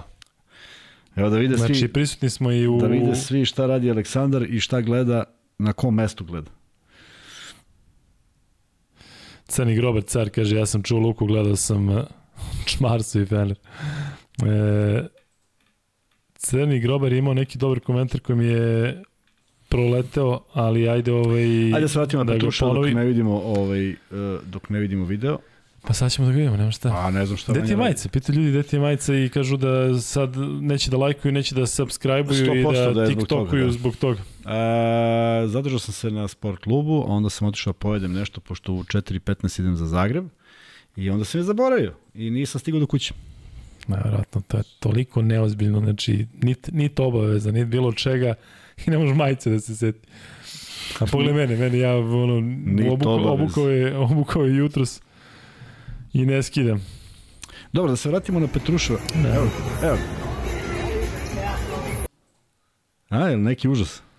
Ne, ovo je, ovo je jedna od najboljih pesama trenutno na tržištu. Vrati, jel možda vratiš nešto da čujemo stvarno koja je pesma? Ne, ne, da vratiš samo iz početka. Ali ovo što smo čuli sada čujemo ponovo. Ne, zabranjeno. Možda će nas- možda će nas. Hoće da nas ugase. Kapiram E, sad. će da nas uga... U svakom slučaju, evo, mi smo, mi smo tamo. Hvala Aleksandru što nas se seti i što gleda. Fenomenalno. E, dakle, gde je Petrušev? Petrušev. E, neko je stekao utisak da ja protiv tog momka imam nešto naprotiv, upravo želim da izgleda ovako, jer mislim da može da izgleda ovako. Bio je mnogo oštriji, mnogo čvršći, kažem, bilo bi zaista ne, nekulturno reći da nešto nije uradio dobro. Naravno da ima mesta za napredak, ali nema kod koga nema. Međutim, jedan od bitnijih igrača sa puno samopouzdanja, sa dosta dobrog osjećaja, u pravom momentu davao poene i nije, nije ustuknuo. Ali, na primjer, video si protiv Motivunasa, kada on treba čuva pet, u prvom koraku prođe. To, to, to mu nedostaje. I zato kad neko kaže da li bi on mogao da igra na poziciji 5, napadački apsolutno, ali odbranbeno nedostaje mu to, jer ipak je ovo malo dru- drugačija dimenzija. Nije on mnogo igrao u Efesu pa da je navikao, bez obzira što na treninzima sigurno jeste, pa verovatno zna kako igrati protiv Plajsa ili Dunstona, ni malo naivno. E, tako mora svaku utakmicu. Tako da, bolje da bude na poziciji 4 sa Mitrovićem, sa igračima koji danas nisu bili na parketu, pa čak i kad je Martin kao 5, jer mislim da može da raširi igru, ima dovoljno samopouzdanja da šutne, danas je pogodio što je vrlo bitno i ono što je najvažnije double-double učinak u u, u, u, u evroligaškoj utakmici nije mala stvar, a bez ogromne potrošnje, bez velikog broja ispadanja iz odbrane i svih tih nekih zamisli. Tako da je jedan od bitnijih igrača danas svakako. Um, Selma Bajrami je, jel smemo to da kažemo, Vanja? Smemo da... E, Selma Bajrami peva onu pesmu. e, jel pratiš Selma? Ja, ne pratim njen opus. Pita Topalović gde mu je majica i kaže da će da tuži poštu. Ja, nisam poslao, treba da, da, da, da znam. Dobre, bit će odavno, 2023. Da, biće, biće majke mi, samo da se organizujem. A, Pre olimpijskih igara u Parizu, obećavam. A što što kaže Aleksandar Belajev? Slušaj, Šta kaže, kaže? Dala, danas Dallas Toronto počinje u 7.30. Igraju. U 7.30 njegovih. Ostao sam bez ture u Dallasu, pa svratio na utakmicu. Carski. e, Veliki 7.30 pozdrav za njegovih Aleksandra. je, znači, za 40 minuta. Počinje za neki 40 minuta. E, sad vidim šta kaže Miloš. Smo ispucali sve igrače Zvezde, jel? E, jesmo, ispucali smo sve igrače Zvezde, ne znamo gde je Raduljica, ne znamo gde je Kuzmić, ti si rekao da bi volio da, volio da vidiš Kuzmića, ali i dalje ostaješ pri tome. Ostajem pri tome, ne na ovoj utakmici. Nije imao, nije imao protiv koga da igra, ne na ovoj utakmici. Ne mora na ovoj. Mada Motivunas, ali bio bi ozbiljan problem. Čovjek se izlači, izlačio bi i Kuzmiće bilo koga. Ovako je bilo mnogo konkretnije da ima mobilnija petorka, tako da Ali Kuzma, je problem to što pričamo od početka podcasta, odnosno govoriš o tome kako Zvezda nema igrača, odnosno nema rešenja za Motivunasa kako nema visinu. Pa toliko je igrača kupljeno na tim pa visokim jeste, pozicijama pa jeste, i sad jednom niko, se pojavi Motivunas i niko ne može čuva Motivunas. Ne može niko. Pa, pa je to pa, onda neki pa drugi problem? Rekao sam za Martina. Martin mi je sam po sebi zato što prosto ne može. Može. On telom i odradi dobar posao. Čovjek se okrene i šutne i tu je kraj svih priča. Prema tome, Jeste problem, naravno da jeste problem. Problem je zato što postoji još dvojica koji nisu bili danas u timu, ali opet, kako sve to uklopiti, ne znam. I opet, jednom od njih dati da igra možda prvi put u ovoj sezoni baš protiv eh, jednog od konkurenata za sam vrh. Prema tome, nije to sve tako jednostavno. A šta sam ja htio da vidim? E, ne znam. Ne znam Znaš ja. si rekao da, da li smo završili sa igračima, ne znam gde si, šta si krenuo da gledaš. Nemam pojma. Um, A, neko mi je nešto poslao, da, to sam ja, nešto privatno, na, na vez podcasta. Da, nešto, gde sam parkirao. Um, Miloš Stojadinović kaže, osam promašanih bacanja, šest izgubljenih lopti više. E, to je, tu staje sva, sva teorija o treneru, ako mene pitaš. Znači, kad imaš šest izgubljenih lopti, od toga četiri u prvoj liniji i šutneš 8-0 slobodno bacanja, posle toga možemo pričamo o svemu. Znači da je to savršena utakmica, dve izgubljene lopte, 17-17 slobodnih bacanja i neka pogrešna odluka, e, onda to ide drugačije. Ne kažeš ništa od ovoga, ali onda gađaš gde je problem. A ovo mi, ovo, ovo ima malo više problema ispred pre svega toga. E, kažu da si bio smo, smire, smoreniji juče nego danas. Ne, reči isključivo o umoru i pripremi za dug put koji čeka Kuzmu već za nekoliko ja, sati. Ja treba ustanem, da odem da legnem, da spavam i da ustanem. Sve to ne znam kako da izvedem uopšte. A podcast će još uvijek trajati. Podcast će još uvijek trajati, da. pošto vas napuštam za 5 minuta. Tako je, Kuzma je sa nama još 5 minuta i ajde ovih 5 minuta da iskoristimo da pitate ajde, ajde. Kuzmu što god hoćete. I da lajkujete. Dakle. Da vidim koliko, koliko e, vi volite Sad tačno ima 200 lajkova. Da vidimo Čika Kuzma po, Dok, pozovi. Za 5 minuta. A ja ću da posle grobare... Minuta, 5 minuta. A ja ću posle grobara da pozovem pa ćeš da vidiš. Da više, de lajkuju kad odem. Biće više lajkova. Kao da ga pustimo da ide sa 250 pa ćemo vratiti. Ali imamo preko 1000 ljudi u, u live-u što je zaista fenomenalno. Meni je tako to da, fenomenalno, da. E, free bet. Hoćemo da neki free bet da, da, da opičimo. Kuzma, imaš nešto u glavi? Ne, zvezdu? nemam ništa u glavi, apsolutno ništa nemam. e, tačka. E, Kuzma hoće da kaže da trener nema ništa sa izgubljenim loptama. Da, hoću to da kažem. A, mislim da se ide na to u smislu ako neko izgubi loptu i da ga izvuče napolje, ne da, da ono... Može, može, znaš, to, pričali smo o toj čuvena Darka Rusa kada ovaj kaže moja, kad je izgubio loptom, kaže ne, ne, ne, kaže moja što si na terenu. pa da E, ali onda bi morao baš celu petorku u koju svi koji sad prate ovo, veruju da je najbolja. E, onda je problem. Ko onda duđe? Jer onda ako uđe Lazić, onda će biti pitanje što je ušao Lazić. A ja mislim da su svi igrači izgubili po jednu loptu i to što je najgore u prednjoj liniji. Sećam se bar dve, tri kontre koje su, koje su sevnule zbog loše, lošeg dodavanja. E, je li igrate biznis ligu za SK? E, ja ne igram, Kuzma ne igra sigurno, ali Kuzma i nije trener zato što ja ne igram zbog ramena, a i pitanje koliko bi, koliko bi uopšte imali vremena, nedostaje mi to, moram priznati.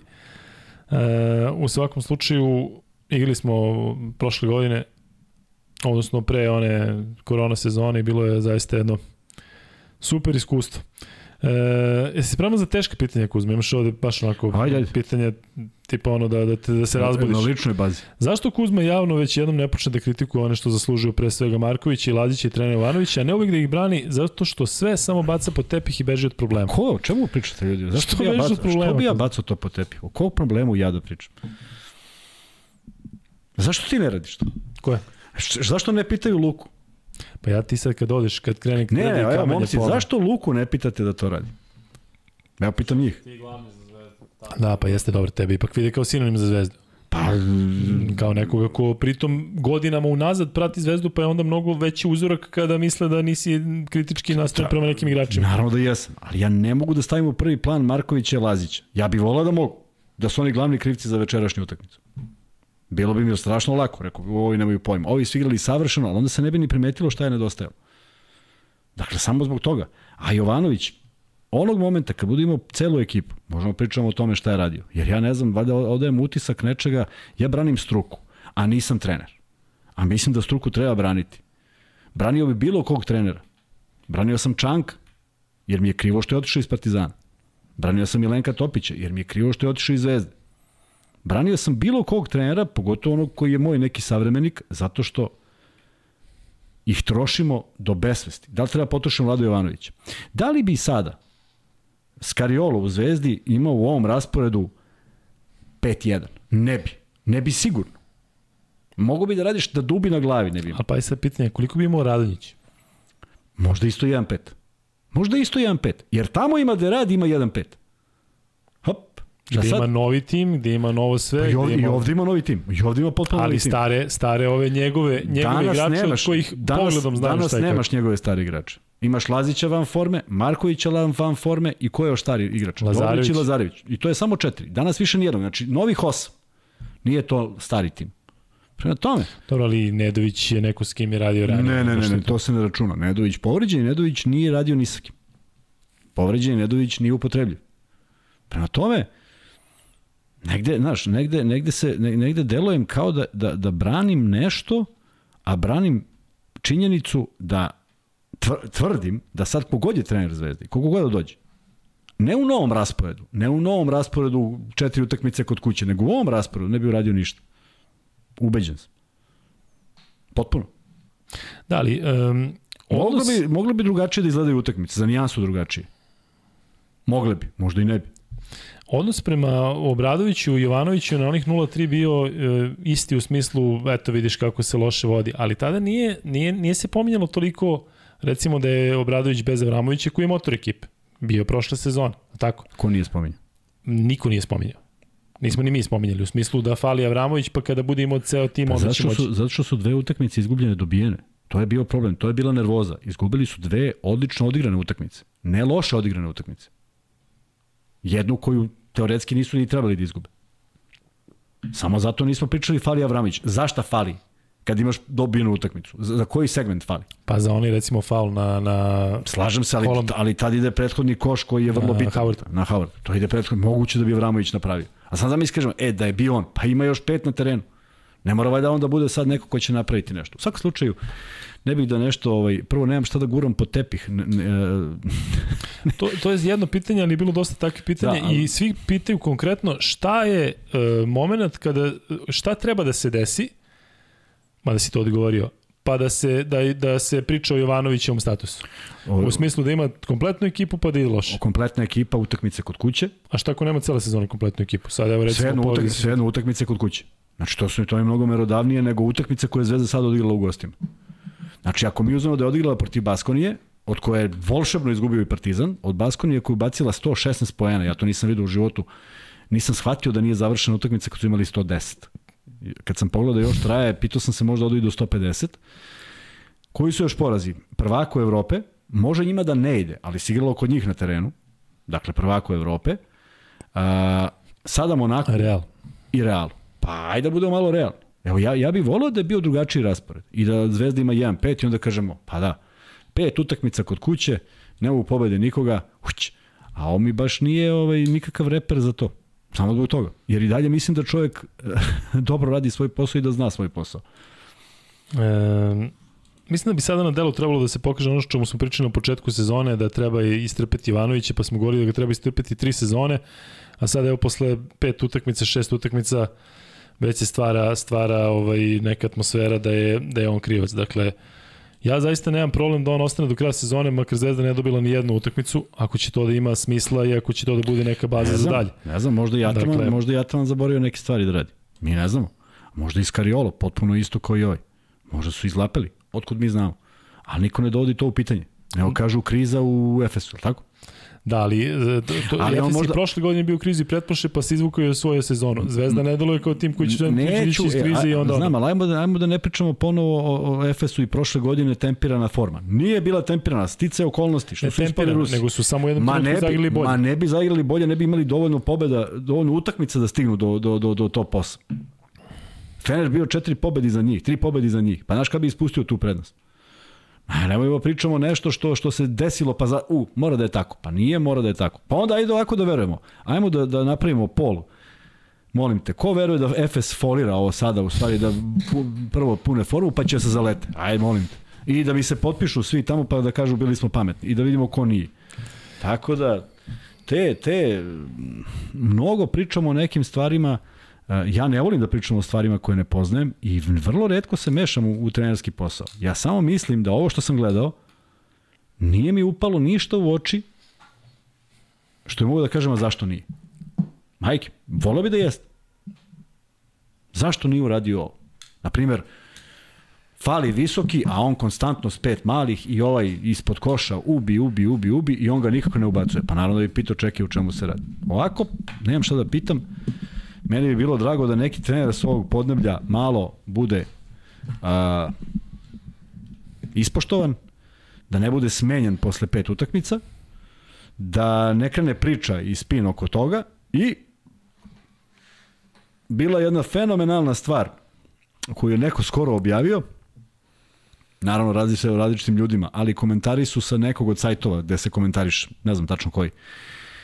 Olimpije, vidi šta si uradio, nisi, ti si najgori, ti si ovo, drugi još gori, to je 2019. 18. 19. a onda od ove godine sad neka dvojica, znali smo, pa mi smo verovali da je to to. Nije to to. To je tačno to.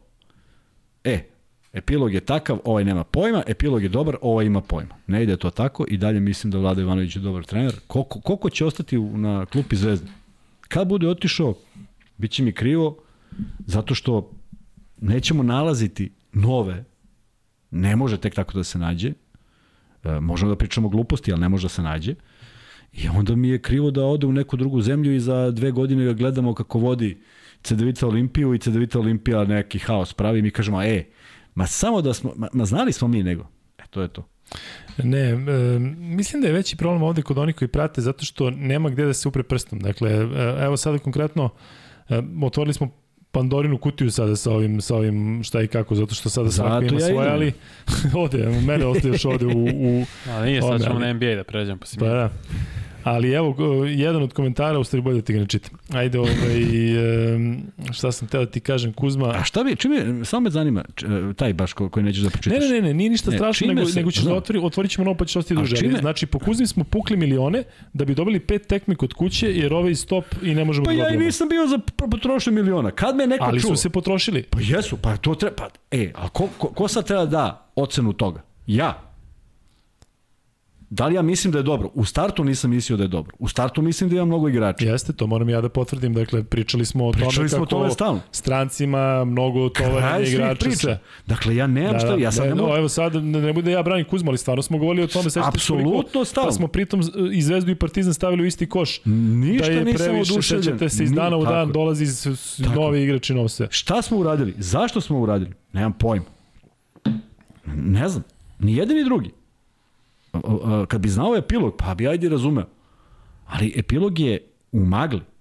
Da, eto za vas koji kažete da Kuzma ne kritikuje, sećate se da, da smo pričali i on je konkretno govorio kako mu se ne dopada to dovođenje igrača, previše igrača, preskupih igrača, preskupih pojačanja stranih igrača, tako? Tako je. Tako je. Eto, Tako Kuzma. I aj sad ovog, aj sad ovog, aj sad ovog, ne ide. Jeste. I sad ja treba da dam ocenu da je to dobro. To u startu nije bilo dobro. Niti sam oduševljen uh, sastavom Zvezde. Niti sam oduševljen svime što je Partizan napravio, ali to su odluke klubova, mi gledamo i komentarišemo ono što vidimo. I sad na sve to, na sve te igrače i potrošen novac, glavni krivac Vlada Ivanović. Ok, možemo i o tome da pričamo ako nekom stvarno nešto to znači. Dobro, ali sam znaš da je uvek najlakše u trenera uprti pas. Znači sad može da se kaže pa e, da, da ode Holand okay. i ode Holand pa se nešto okay. ne promeni pa će opet biti Ivanović. Dakle, pa znam, znaš da je to jednostavno ajmo druga tako. tema, ajmo pričamo o Atamanu, ajmo pričamo o Skariolu. Znaš kako je to išlo? Izlapeo. O, ovde kod nas kad neko malo stariji ima dva poraza, on je izlapeo. Ajde da vidimo da li je izlapeo Skariolo. Možda jeste, ali on je evropski prvak. Nešto, nešto nije u redu. I sve je demolirao svojom odbranom. E, sad ima ekipu gde imaš neke veterane koji malo drugačije razmišljaju i možda ne mogu to da urade. A možda ih i ne zanima to da urade. Možda nema ni kapacitet i želj. Pa šta sad, da upro prstom svi u njega. A pritom ima još skuplji tim, sigurno, no. i, i sve neke reprezentativce, bivše, sadašnje i tako dalje. I? Koliko su? Jednu pobedu ispred, dve, koliko? Koliko je Efes? Jednu pobedu? Virtus ima 2-4. 2-4. A u, oni, oni stoje fenomenalno. E, to je to. Ali ja, ja možda, možda novine i pišu o Skariolu. I Zaista ne znam. 4, da. Možda, možda novine pišu o Atamonu i Skariolu. Ja to ne vidim. Možda stvarno i njih ovaj, tako gađaju. Ne gađaju sigurno baš zato što kaže da je ovaj evropski prvak, e, a ovaj isto je pa evropski pa prvak. E, tako, ali Vlada Ivanović nije evropski prvak. Tako, i onda je da... najlakše, tako, i onda je najlakše da uzmeš i da kažeš nije dorasto, vidi šta su mu doveli. Šta su mu doveli? Pa evo, evo, ja želim da mi neko objasni na koju poziciju da stavi Martina. Evo, ja pri, pa, ja ću ga zovem, zovem Vladu i kažem postoji ga, molim te, želja naših gledalaca da bude na toj poziciji. Koja? Gde je dominantan? U, koj, u kom segmentu? Ali to nije iznenađenje, ja nisam očekivao da će to biti drugačije. Ja nisam rekao očekuje se od Martina 25 poena. Naprotiv. Kao što si rekao i da od Raduljice nisi očekivao nisam ništa, ništa više od ovoga, tako? Dajem primer zato što je najsvežiji. Najsvežiji, ne, znači... Kuzma, posljednja rečenica, Zvezda Zadar, posljednja e, rečenica... Uh, za dva dana, dakle u u, u ponedljak Zvezda protiv Zadra, ta utakmica će poslužiti zašta. Zadar pritom uopšte nije najvan tim pokazao ove sezone da i tekako ima i I... Zadar Zvezda? Tako, Kad igraju? Zvezda Zadar igraju u ponedljak u, 6, u 18 sati, da. taman pre Biće naš podcast. Biće interesantno.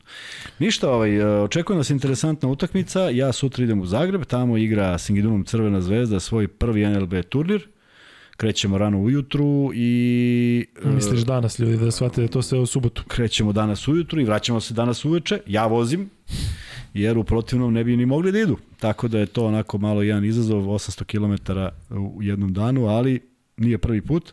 A gde igraju, u koliko sati? Ljudi u Zagrebu, dođu? na Vele Sajmu, Hala 2 ili Paviljon 2, tako nešto. Baš bilo lepo da neki sati. od vas Ako neko tamo i... slučajno ima vremena, Da se slikamo podcast tako Luka je, i Kuzma tako je. sa Kuzmom koji je u Zagrebu za, eto, U Zagrebu sati. u 5 krećemo, znači u 10 smo 5 ne, ne krećemo u 5, u 6 krećemo, ali u 5 idemo da pokupimo kolica. U 10 da smo se u Zagrebu. Tada, ako ti ne bude dosadno dok voziš pa hoćeš da se dopisuješ, ti, Važi. ti javi.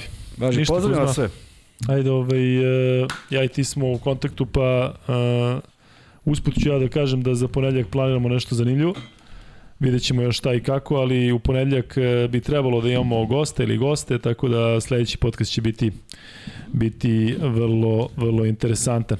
E, hajde sada da se okrenemo dakle ome što ste već pitali nekoliko puta, to je ta povreda Balše Koprivice, dakle e, i za Jelovca obavezno zaboravio se. Za Jelovca, za, za dvoranu, da. E, Dvorana Ajka bi trebalo da se zove po Stevanu Jelovcu, s tim što se dvorana, koliko sam video, trenutno renovira, pa još uvijek se ne zna, čeka se informacija da se, da se vidi kada će, u kom trenutku da se, Ćakus, u kom trenutku će to da, da se zvanično potvrdi, ali jedan lep potez, tim što, koliko sam video, ta dvorana jako, jako često menja ime, dakle, bukvalno na nekoliko godina, sada nosi ime, koliko sam video po nekoj ženi, i bilo bi lepo da nosi po Stevanu Jelovcu i da ostane tako, ali fenomenalan šmekerski potez e, upravo Ajka. A što se tiče povrede Balše Koprivice, strašno, posebno u ovoj situaciji kada nema Smajlagića i zbog toga e, mislim da mora da se pojača ta potraga za centrom, verovatno i vi znate kao što smo i mi čitali, dakle ništa to nije tajna da Partizan navodno na tržištu traži nekog e, igrača koji bi trebalo da bude podrška Lesoru. E sada, pošto od Koprivice očigledno e, nekog vremena neće biti ništa, odnosno neće moći da igra. Vreme je da se, da se unapredi ta potraga. Moram priznati da ne mogu da ne mogu da se setim igrača koji je koji je slobodan i interesantan. Kada smo recimo birali birali um, igrače na poziciji pleja Partizana, pa onda tu od uh, raznih fiks ideja poput Lina, možda mi padne nešto na pamet. Međutim, od ovih igrača koji su katovani u NBA ligi, uh, ne znam, ima tamo slobodnih centara, tako vanja, možda dođe Dwight Howard i možda dođe Hasan Whiteside, ali ovaj, e, to je malo teže. Malo teže. Da, tako da sve u svemu. Evo ga Ivanček, gde si Ivanček? Tvoj glas je mm, nedostajao. Ali opet ćemo, kad pričamo o NBA, opet će da gledaju mene, ali tako? Pa da. Da, znaš šta je dobro? Znači ti pričaš o NBA-u i sad a, lju, hiljad ljudi gleda meni kako ono pa, blej. Dobro, ti možda pomeraš dobro, da. ono uste, znaš šta je fazon. Da, da, da. Kuzma, šta misliš o Urošu Likoviću? Mi je što. Pitaćemo ga.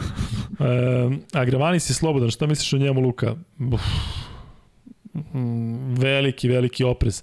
Noku u Partizanu, to je mišljenje. E, ne verujem iskreno u Lendina Noka. Sećam se da je, sad ću vam reći jednu stvar. Sakar je kada je krenulo da se raspada, to je bilo pre četiri sezone, E, šta je sa, sa tonom? Mm -hmm. E, sad nešto u jednom trenutku nisam čuo sebe, ali dobro. E, Landry Noko je bio prvi koji je, kada je kasnila plata u Sakari, on je prvi rekao, ja idem odmah. I onda te sezone je uh, četvoro, petoro krenulo za njim, ali on je bio prvi i onda su tu sezonu završili sa onim juniorskim timom i pucali po 50 razlike. Tako da mi je to ostalo u glavi, mislim da je otišao tad u Albu, nije imao gde da ode ili je, da. U svakom slučaju, e, baš onako, nekako mi je ostalo u glavi, vjerojatno momak nema, nije, nije problem verovatno nije on sam to odlučio, ali nekako mi je ostalo u glavi. Ovo što sa Greg Monovom mi je interesantno, ali on se pominjao um, i vezivao za zvezdu, ali meni je Monroe jako, jako zanimljiv igrač i volio bih da ga vidim. Um, Willi Reed tu isto treba biti oprezan zato što verovatno znate da je, da je bilo problema sa povredama i ne znamo koliko je momak u formi, ali ajde sad kada već pričamo o Partizanu, hajde da, da vidimo sad grobari, da lajkujemo, što je neko rekao da pokidamo e, i da stignemo do jedno 500 lajkova kada već ima više, više grobara. Kažu da ovde da je Noko u Koreji, e, ja mislim da jeste, Đorđe Gagić igra kod e Nenada Markovića u Francuskoj za onaj tim koji ne znam da izgovorim, onaj Ad Blois. Tako da sve u svemu od njega nema ništa, pritom i mislim da u ovom Partizanu Gagić ne bi mogao da doprinese mnogo zato što ipak e, nije uz dužno poštovanje Let Kabel iz prošle sezone, fantastična sezona u Evrokupu, ali sad Partizan koji cilja top 8 e, kao backup, e, backup e, Lesoru možda, ali kažem to je onako jedan preozbiljen eksperiment. E, ali kad kažem backup u smislu da je odigra 5 ili 10 minuta, a pritom verovatno se mnogi sećaju da Đorđe Gagić se, e, da je bilo raznih nekih priča, da je tu ostaju i neki gore kukus ranije, sećate se da je bilo svega i svačega, da su se pominjali neki prelasci i ostalo, tako da ne znam na koji način se rastao sa Partizanom, nadam se da je dobar. E, piše, piše ovde da je Dušan Ristić kontaktiran i on nema iskustva ozbiljnijeg u, u, u, u ovakvoj u ovakvoj ligi ovakvoj, na ovakvom nivou, tako da ne bih iskreno eksperimentisao. Ako je moguće da dođe centar koji će onako tačno da zna šta od njega da očekuješ i da, da, da ga odmah postaviš, to bih voleo. Recimo, meni je padao na pamet Ahmed u Veriolu, e, u smislu znalo se da će da ode iz Fenerbahča i e, otišao u bursu naravno, ali nekako mi on bio interesantan zato što je radio sa Željkom, zato što je momak e, neko ko, ko dobre stvari radi u reketu, Luka Rangudi nikako, Luka Rangudi on da se neko šali. Nathan Džavaj dalje igra košarku, znam da se šalite i oda, ali on igra tamo u, u, u Australiji, da li za New Zealand Breakers ili tako nek, neki je Diop iz Kanarije nikako, ne znam da li mislite na Ilimane Diopa ili na ovog Usmane Diopa, dakle ovi mladi neće doći sigurno zašto momak ima 20 godina, a što se tiče ovog što je igrao u, u Tau Keramici, odnosno Baskoni, bio tamo jedini stranac, To nikako, zato što momak e, je toliko slab u nogama da je neprijatno gledati ga. E, e sada, e, smaštamo svi o Milutinovu, ali to je naravno nerealno. Tako da vidjet ćemo. Jonas je Repko e, sigurno ne, zato što je on van forme. E, kada je bio Stefan Jović ovde, e, vi koji ste gledali taj intervju, uh, možda se sećate kako je razočarao, kako je pričao o tome kako ga je razočarao i kako nikako ne bi ovaj, da priča o tome. I ja sam čuo neke priče iskreno o njemu u smislu ne mogu da kažem da iz prve ruke, ali u smislu da nije baš neki pouzdan lik uh, i uz dužno poštovanje njega i, i njegove solidne NBA karijere mislim da je, da je, da je to slabo vajda. Da ste grobari, što ne lekujete? Samo 308 lajkova, ajde da, da pokažemo kao da nas ima u stvari ništa. Mozli ne, dakle Mozli je neko ko je igrao u potpuno drugačijem timu Partizana i zbog toga uh, uh, je definitivno ovo za njega sada preveliki, preveliki zalogaj. Ovo je Johnny Hamilton što je, što je isto igrao u Fenerbahču, takođe onako nesiguran Jalen Reynolds, nekoga je pomenuo, meni on pao na pamet, evo Nikola Panić kaže, međutim on je u Unixu, tako da ne može, ne znam kako bi došao. E sada, uh, ajde da postavimo prvo free bet pitanje. Dakle, uh, evo ga, Jovan 88 ponovo donira. Dakle, Jovan 88 Svaka čast, stavite PayPal, YouTube uzima pola donacija, da, znamo to i treba da stavimo PayPal, ali nikako da stignemo, ja i Kuzma to slabo znamo, pa onda zavisimo da nam, da nam neko drugi stavi, a ne možemo da molimo ljude, ali stavit ćemo i, i radimo na tome. Ja bih baš volao da vidim Lendela u Partizanu, kaže Schiller, volio bih ja, ali vidiš da igra jako dobro u Phoenix Sunsima i svakamu čast i navijamo za njega. A prvo free bet pitanje, će, vratit ćemo se na, na Zvezdu, Uh, pritom Marko Ermić ovde kaže Luka poslao sam Kuzmi rezultate fantasy Euroliga ali otišao je, otišao je Kuzma a meni je telefon tamo negde tako da Marko uh, ne znam da li ćemo to sad stići. I hvala tebi puno što se zalažeš oko, oko fantasy lige. Uživamo zaista uh, u tome kada se tako neko aktivira. Dakle Nikola Jovanović i mnogo vas je pomoglo podcast na različite načine i kažem sve to sada kao cela priča da je fenomenalno. E, prvo free bet pitanje će biti vezano za zvezdu i bit će prilično jednostavno. Dakle, kreće sada. Koji je jedini igrač Crvene zvezde koji danas nije ulazio u igru? Pominjao ga je Kuzma, pominjali smo ga mi, dakle svi koji ste pratili meč, da odmah prođemo ovo free bet pitanje i e, ko prvi odgovori tačno dobit će 1000 dinara e, u max betu. Čekamo odgovor na, na to free bet pitanje. Ivan Nicin, Vanja, sam dobro video? Ivan -hmm. Nicin je odgovorio prvi. Ilić? Yes. Je tako? Mm -hmm. Ivane, ne sjećam se da si ranije dobio free bet, ali uh, rekao bih u svakom slučaju, ali ti obrati pažnju. Dakle, max bet nalog, imaš ID, pošalješ na Instagram Luka i Kuzma. Ako nemaš max bet nalog, otvori ga i, i onda taj ID, ID pošalješ i sutra ćeš dobiti 1000 dinara.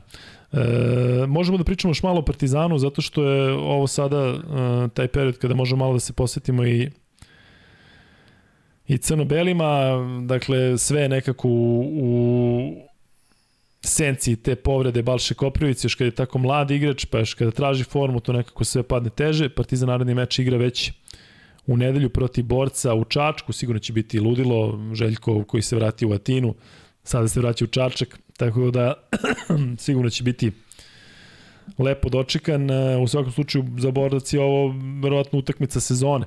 Tako da Partizan treba da bude oprezan, a opet mislim da je to prilika da e, igrači koji igraju manje u Euroligi, domaći igrači, dobiju veću šansu sada kada nema Balše, tu pre svega mislim na Tristana i na na Uroša i Đorđije volio bih da on vidim, da vidim da ima neke minute i možda je ovo prava prilika za to. E, čekamo da vidimo šta će biti sa Nanelijem i koliko je njegova povreda ozbiljna. Čekamo Aleksa Vramovića da se vrati, Smajlagić, sami znate da je tu bilo nekih pomeranja oko povratka, sad i Balša Koprivica. Dakle, ne deluje to najbolje, ali eto, Partizan je sve iskombino i iskompenzovao dobrim rezultatima. Becko Zmaj kaže Činano on ovako bi bio sjajno rešenje za Partizan pod košem. Da, on donosi snagu sa onim uh, njegovim granny stylom uh, izbacivanjem slobodnih bacanja, međutim on je u Sasariju i meni je pao na pamet, međutim uh, tamo je momak, dakle igra, nema šta. Uh, velo li ne, sad mislim da ću da, da, da možda pokrenem neku priču uh, koja može da krene u suprotnom pravcu, ali meni bi recimo bilo interesantno da dođe igrač poput Mira Bilana. Dakle, centar za koga tačno znaš da igra glavom, da znaš šta treba da radi, Dakle, naravno da je nemoguće da Miro Bilan dođe kada već govorimo o igračima Sasarija, ali e, eto, takav neki igrač bi mi bio interesantan. Luka, da si trener Zvezde kao pojačanje kog igrača iz Partizana bi uzio i obrnuto? Pa definitivno fali neko ko je siguran u šutu, dakle uzeo bih ili Andjušića ili, ili Pantera, da sam trener Zvezde, a da sam trener Partizana, e, naravno da bih uzeo Vildosu u ovoj sada situaciji, posebno kada mislim da u Partizanu postoji još e, dosta prostora na toj poziciji jedinice, posebno dok se ne vrati ne vrati Aleksa Vramović. E, Marko Simonović iz Čikaga, Crnogorac bi mogao da bude centar za Partizan, pa nisam siguran, Marko Simonović je tamo, mislim da mu je budućnost vezana za, za NBA ligu. E, ali, kažem, nešto će morati da se desi u narodnom periodu, jednostavno tako, tako nalaže situacija. Um, sada bih samo da posjetim malo vremena ome što vidim da, da neki od vas traže od Kuzme da, ne znam, napada ili da, ne znam, govori nešto. Kuzma je jedan fantastičan tip, nadam se da ovo neće gledati zato što, eto, pričat ćemo malo iza leđa. Verujte mi, dakle, evo sada samo da uzmemo ovo zbog čega je ranije otišao sa podcasta. Dakle, on ide i vozić je do Zagreba, zato što ne bi mogla ekipa e, igrača u kolicima da ide bez njega. Tu je bukvalno dao sebe celog e, sa najboljom namerom, pritom ti momci su među malobrojnijima za koje znam da iz isključive ljubav, ljubavi igraju u košaku. Isto važi i za Kuzmu. ne bi bilo verovatno ovog podcasta da on um, iz neke najbolje namore nije prihvatio da vodi tim sport kluba. Mi smo se tu onako zbližili i, i, i postali izgradili neki ok odnos i nastavili to ovde. Tako da um, verujte mi, govorim zato što Kuzmu imam, imam tu slobodu da kažem da ga jako dobro poznam i ovako privatno. Dakle, napadati njega na bilo koji način, vidim da ovde pišete zašto ne kritikuje, ovo zato što ne kritikuje, zato što jednostavno nije tako nasetovan. Pritom neki od tih ljudi zna i, i privatno i ne napada ih, nije da ih on ne napada zato što ih zna privatno, nego ih poznaje dobro situaciju i zna da, da nekome treba dati šansu ili u nekim slučajima da se sačeka. Tako da ja iskreno da vam kažem, ne čitam komentare, zato što me uopšte ne zaboli kada neko isproziva mene, to mi je čak interesantno, nego kad vidim da neko isproziva Kuzmu, a dobro poznajem i kakav je čovjek i koliko poznaje košaku i moram pristiti da ne znam nekoga ko bolje poznaje košaku kao igru kao on, zato što smo hiljadu puta imali situaciju da mi neke, neke stvari kažu napred i kada me vodio kao trener i kada ovako gledamo neki meč pa kaže e, jesi video ovo, jesi video ono? I to bukvalno kaže onako usput kao a, a, i desi se to na, na ovom, prepoznaje neke stvari.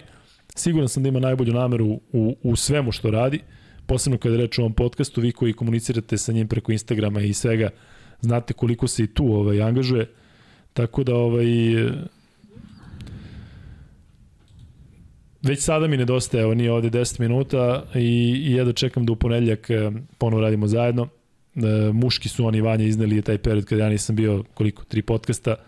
Tako da sve u svemu eto malo da pričamo Kuzmi iza leđa, verujte mi, ne da nisam upoznao takvog e, čoveka, nego ne mogu ni da ga uporedim ni sa kim. Dakle, Eme gospodin, Eme Šmekir, e, radi dugu zvezdu i, i sigurno da, da, da ga neke stvari možda i više, više onako tangiraju kada, kada ide nizbrdo, ali bilo na koji način negativno sada, odnosno tražiti od njega ne znam šta, kažem, vi znate koliko ovde prođe pitanje koje ja ne postavljam Kuzmi zato što znam da će, da će odgovoriti ne onako kako vi očekujete sada da kaže, e, treba Lazić da ide iz kluba. Pa naravno da neće to da kaže e, i ne treba da kaže i naravno da nije tako, ali opet sa druge strane ja razumem nestrpljenje kod navijača Zvezde zbog loših igara i igara pojedinih igrača. E, Luka, šta misliš o igrama Lazića i Markovića ove sezone Euroligi? Evo već kad smo kod toga. Dakle, Prvo vratili se na prošlu sezonu, e, Marković, znate da je isto tako loše počeo, pa je onda odigrao najbolje kada je to Zvezdi bilo najbitnije. To su jednostavno tako natemperani igrači da, da kada je potrebno da urade ono što, što treba za tim. Tako je Kalinić uradio večeras posao za Barcelonu, nije ga bilo u prvoj četvrtini, nije ga bilo u prvom poluvremenu i onda je dao trojku koja je praktično i rešila meč. Odlično bio odbran i pokupio neke lopte. Što se tiče Lazića, isto treba, treba biti strpljiv, ali činjenica je, barem se meni tako čini, da Laziću jednostavno neki treneri odgovaraju, neki ne odgovaraju. Pričali smo kako je kod Obradovića bilo problema, bilo Grča, kako je kod Radonjića bilo drugačije. Evo sada kod Vlada Jovanovića, očigledno da, da, da to nije taj Lazić koji zvezde, zvezdi navijači očekuju da bude. E, sve u svemu, kažem, jednostavno potrebno je strpljenje. Znam da kod vas većine jednostavno nema strpljenja, napravljeni su onako jaki timovi, velike su ambicije, e, sve u svemu tako je kako je, dakle nema šta, ako pogledate malo nazad, ja i Kuzma sad kad smo govorili o, o zvezdinim uh, utakmicama u Euroligi, zaista tu nije bilo ni jednog blowouta. Dakle, Baskon je pogledala sve u posljednjoj četvrtini, Real je isto dodao gas, ali Zvezda je bilo u egalu u svim mečevima, I zato sam ja baš pitao o toj završnici, kako, šta fali da bi završnica bila bolja, zato što i protiv Efesa, i protiv Reala, i protiv Baskoni, i protiv Panathinaikosa, u svim izgubljenim mečima Zvezda je sve, je, i evo i večeras protiv Monaka, Zvezda je bila tu, tako da nema šta.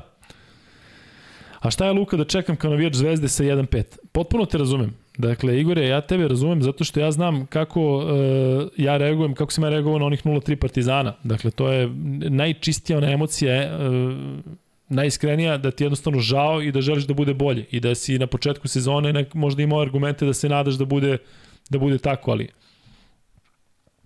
nema šta, eto, da se, da se, da se svi zajedno nadamo da će Zvezda da protiv Fenerbahča napravi iznenađenje, ako ne tako da će bare Masel da pobedi u tom narodnom meču i onda će to već biti e, bolja situacija.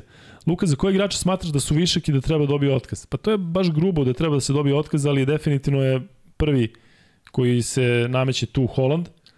Dakle, e, već tu odmah iza njega definitivno Martin. E, ja sam isto mnogo e, mnogo drugačije gledam na domaći igrače, Ivanović gledam kao domaći igrače i zaista bih voleo da ovo što se desilo Petruševu večeras, da se desi u nekom trenutku e, da se u nekom trenutku desi i Ivanoviću da odjednom bude 12 poena, 7 asistencija, 3 ukradene. Tako da ovaj to je ono što što čemu se ja nadam. Pitao me neko ranije za ovaj potez Motlija e, protiv uh, u duelu Barse i, i Fenera zaista besmisleno. Dešava se to i u NBA ligi. Uh, desilo se meni na koleđu jednom, dakle, momak koji je najinteligentniji od svih nas bio Derek Kibler. Možete ga nađete na Facebooku, znam da ima Facebook, iako ja nemam. Oženio je devojku iz našeg ženskog tima Amy. Uh, Derek Kibler, piše se Kubler, je na jednom meču, a bio nam je možda najbolji šuter, Trebala nam je trojka, on je bio na šutu za 3 poena, išla je akcija za njega, 3 sekunde do kraja i on spušta loptu Casey Johnsonu dole na 2 i u tom trenutku shvata šta je uradio i pada, pada na zemlju i drži se za glavu. Jednostavno to su ti neki, ajde da kažem, uh, momenti, niko neće moći da objasni šta se desilo Jer Smithu, tako vanja u onoj situaciji sa, sa sa Golden Stateom, dakle, jednostavno dešava se. Eto, Motley je krenuo na koš, niko ne zna zašto, trebalo da šutne za tri i, i imao je, on je danas pogodio, onako prilično, prilično dosta šuteva, ne za tri, ali je bio, bio siguran. Imao je dobru poziciju i krenuo i upropasti utakmicu. Tako da nema šta. Da li misliš da Dalibor Ilić treba da dobije neki minut u Euroligi? Da, mislim, zato što mislim da je ovo čak i dobra pozicija. Vidim da je raspoređena minutaža, tako vidite i vi da svi dobiju šansu, kada već svi dobiju šansu, da je onda da baš svi dobiju šansu. Je li Luka Mitrović ozbiljno poređen ili nije? Trebalo bi da nije, zato što se već priča o nekim utakmicama narednim u kojima bi trebao da se vrati.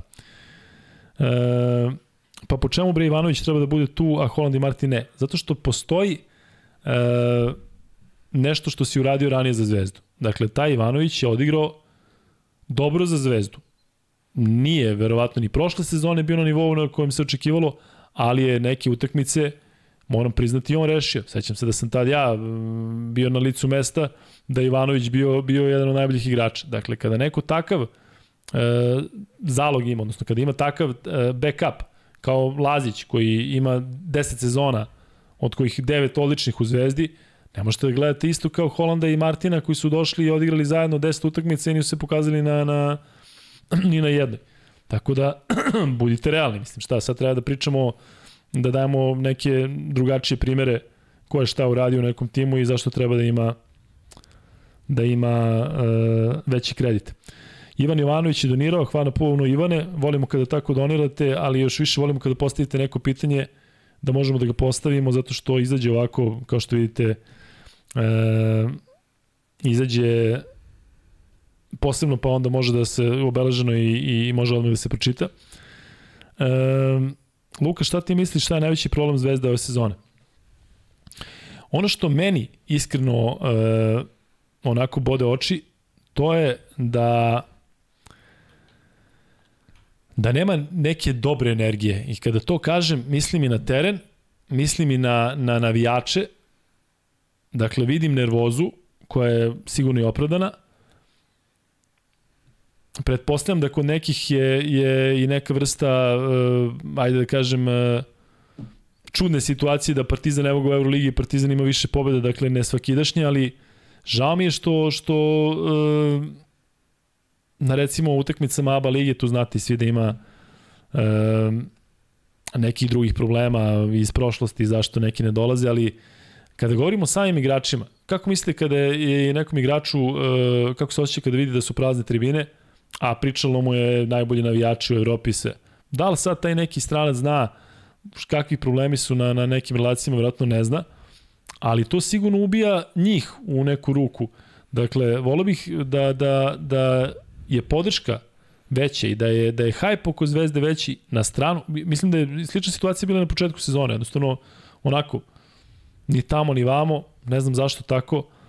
Kapiram da, da su iza sezone gde, gde se možda očekivalo više, ali volio bih da, da, da najiskrenije bih volio da i Zvezda i Partizan igraju dobro ove sezone u Euroligi i da kao, kao država se sjajno predstavimo u ovoj sezoni.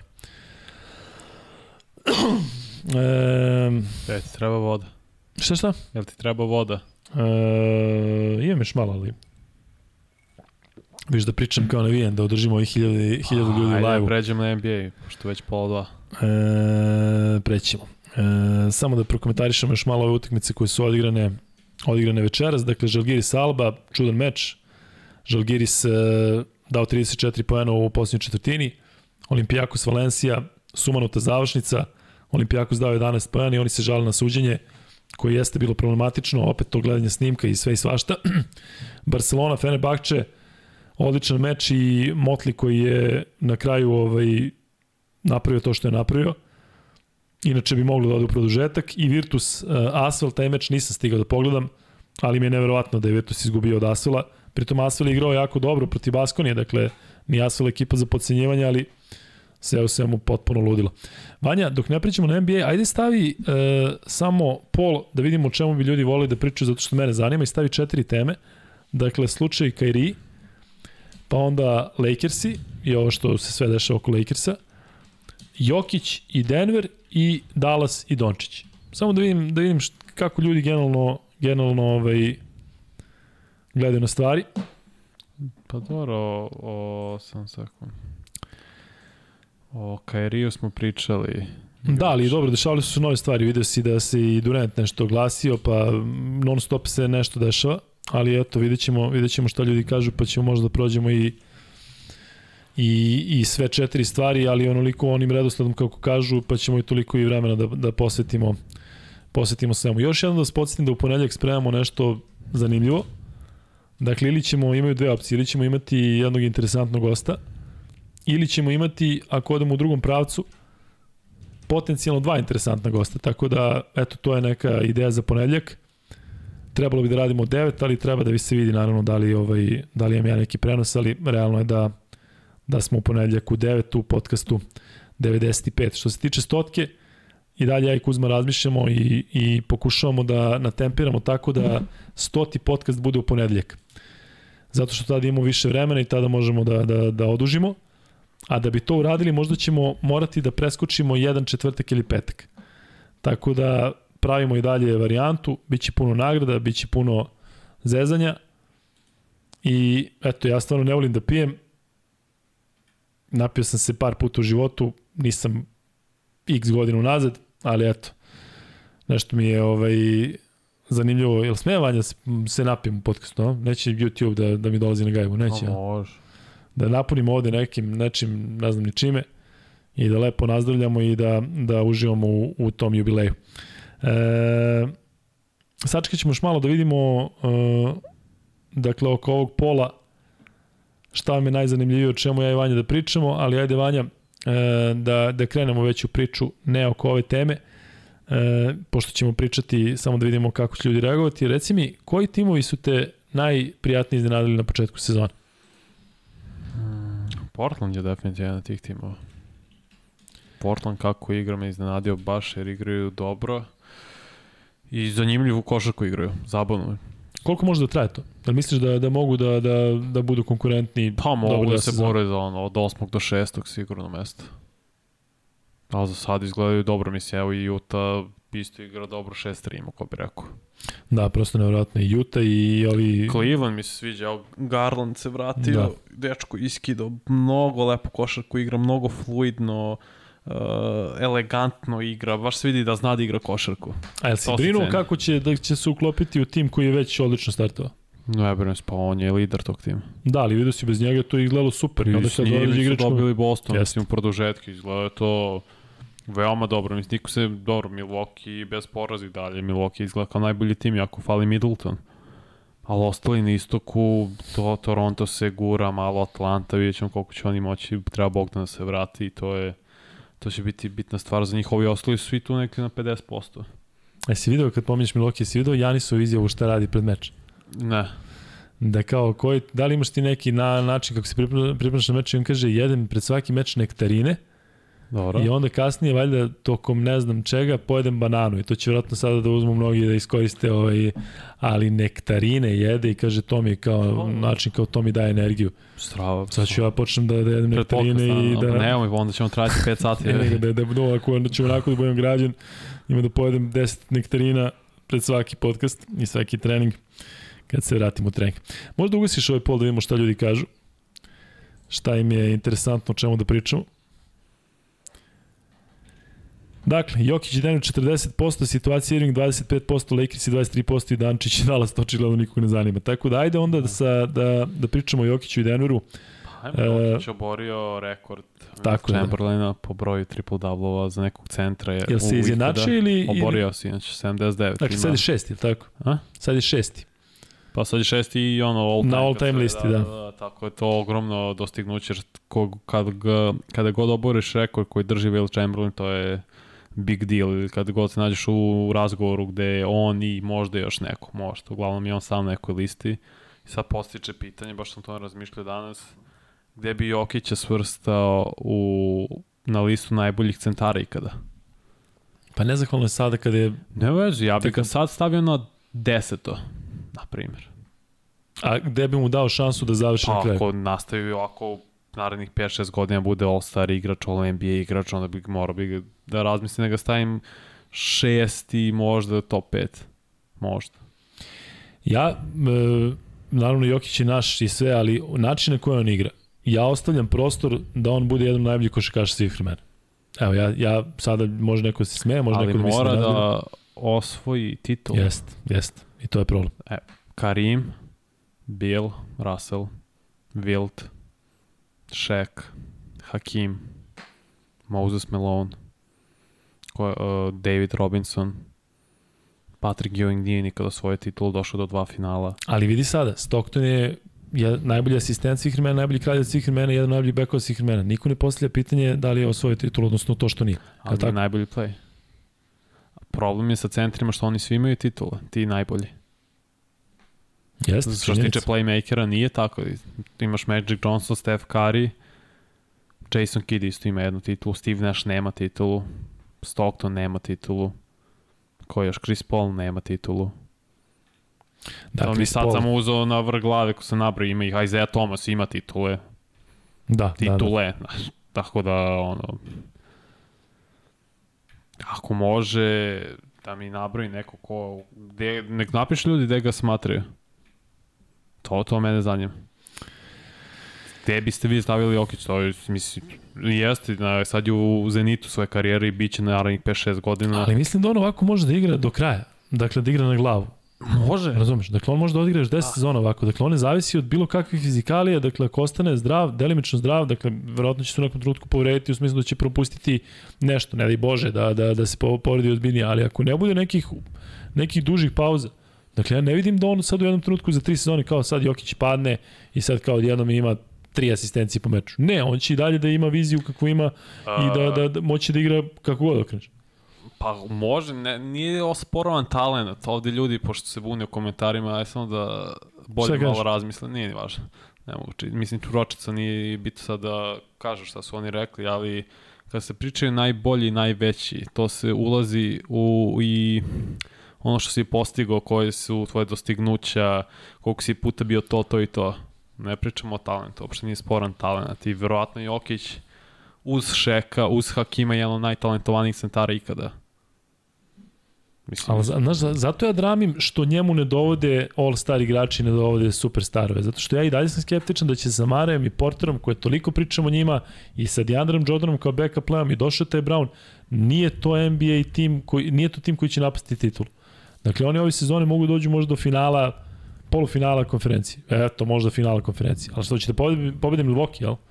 Pa neće sigurno. Mislim, znaš. Ja bih samo volio da dođe konstantnije do finala konferencije. Evo, pošto je neko uzeo za zub Patrick Ewinga, taj čovjek je odveo Nixa do četiri finala konferencije. Sa onim Bullsima, te, tih 90-ih, Pacersima, Miami Heatom itd. itd. Je, mislim, Dobro, Ewing igra sa igra final protiv Houstona. igrao je protiv promašio igrao i protiv Sparsa, ono finale kad Jeste. je nije zapravo igrao on zbog povrede te Da. 99. Pa put je igrao finale, mislim, to je dostignuće kako god, možda briže sa hoćete, kako god da je bila konkurencija, bila je ta, tih 90-ih na istoku ozbiljna konkurencija. Niko nije osporao Jokića talent, naj, možda i najtalentovaniji centar ikada, samo fali dostignuće da bi bio najveći i najbolji, da bi bio u toj konverzaciji. Šta hoćeš da, ja zna, da zamerim što je Moses Melon bio šampion MVP, MVP, MVP finala, to je tri puta MVP lige bio, koliko, osam puta All-Star, All-Star igrač All NBA, mislim. To su ogromno dostignuće. Ali mislim opet da nije za poređenje. Potpuno drugačija košaka. Pritom i danas na osnovu čega sudimo? Sudimo na osnovu nekih brojeva. Koliko smo mogli da vidimo Wilta Chamberlaina i Bila Russell?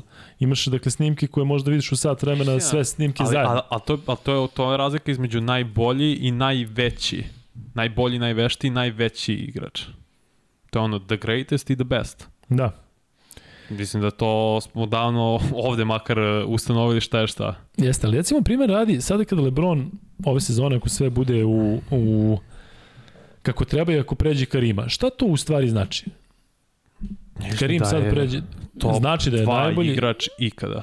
Najveći. ali je to potvrda da je on sada možda najbolji svih vremena? Nije, Eto, prešao nije bolji Karima. od Jordan, nije veći od Jordana. Tako je, ali eto, sad on kad se zvanično desi, kad on obori tih 38, 700, da, da, da, i eto, to bi trebalo da se desi po nekom, po nekoj proceni tamo na, na proleće.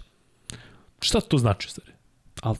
Ali to je i do, igra 20 godina, igra na vi, vrlo visokom nivou. Lebron je po mnogima, po meni drugi najveći igrač, po tre, treći najbolji igrač. Definitivno, ali znaš na- šta te konkretno pitam? Kada je Kari dao onu trojku Madison Square Gardenu, svi su rekli Kari je najbolji šuter svih vremena. Pa nije on te, to veče postao najbolji šuter svih vremena, jeste na papiru. Ne, ali samo je bio, na papiru pos, bio. Pa da, bio je i, bio i do te trojke, bio stvarno najbolji šuter, neko ko je jednostavno, je tako? To znalo se godinama Da. unazad da je najbolji šuter.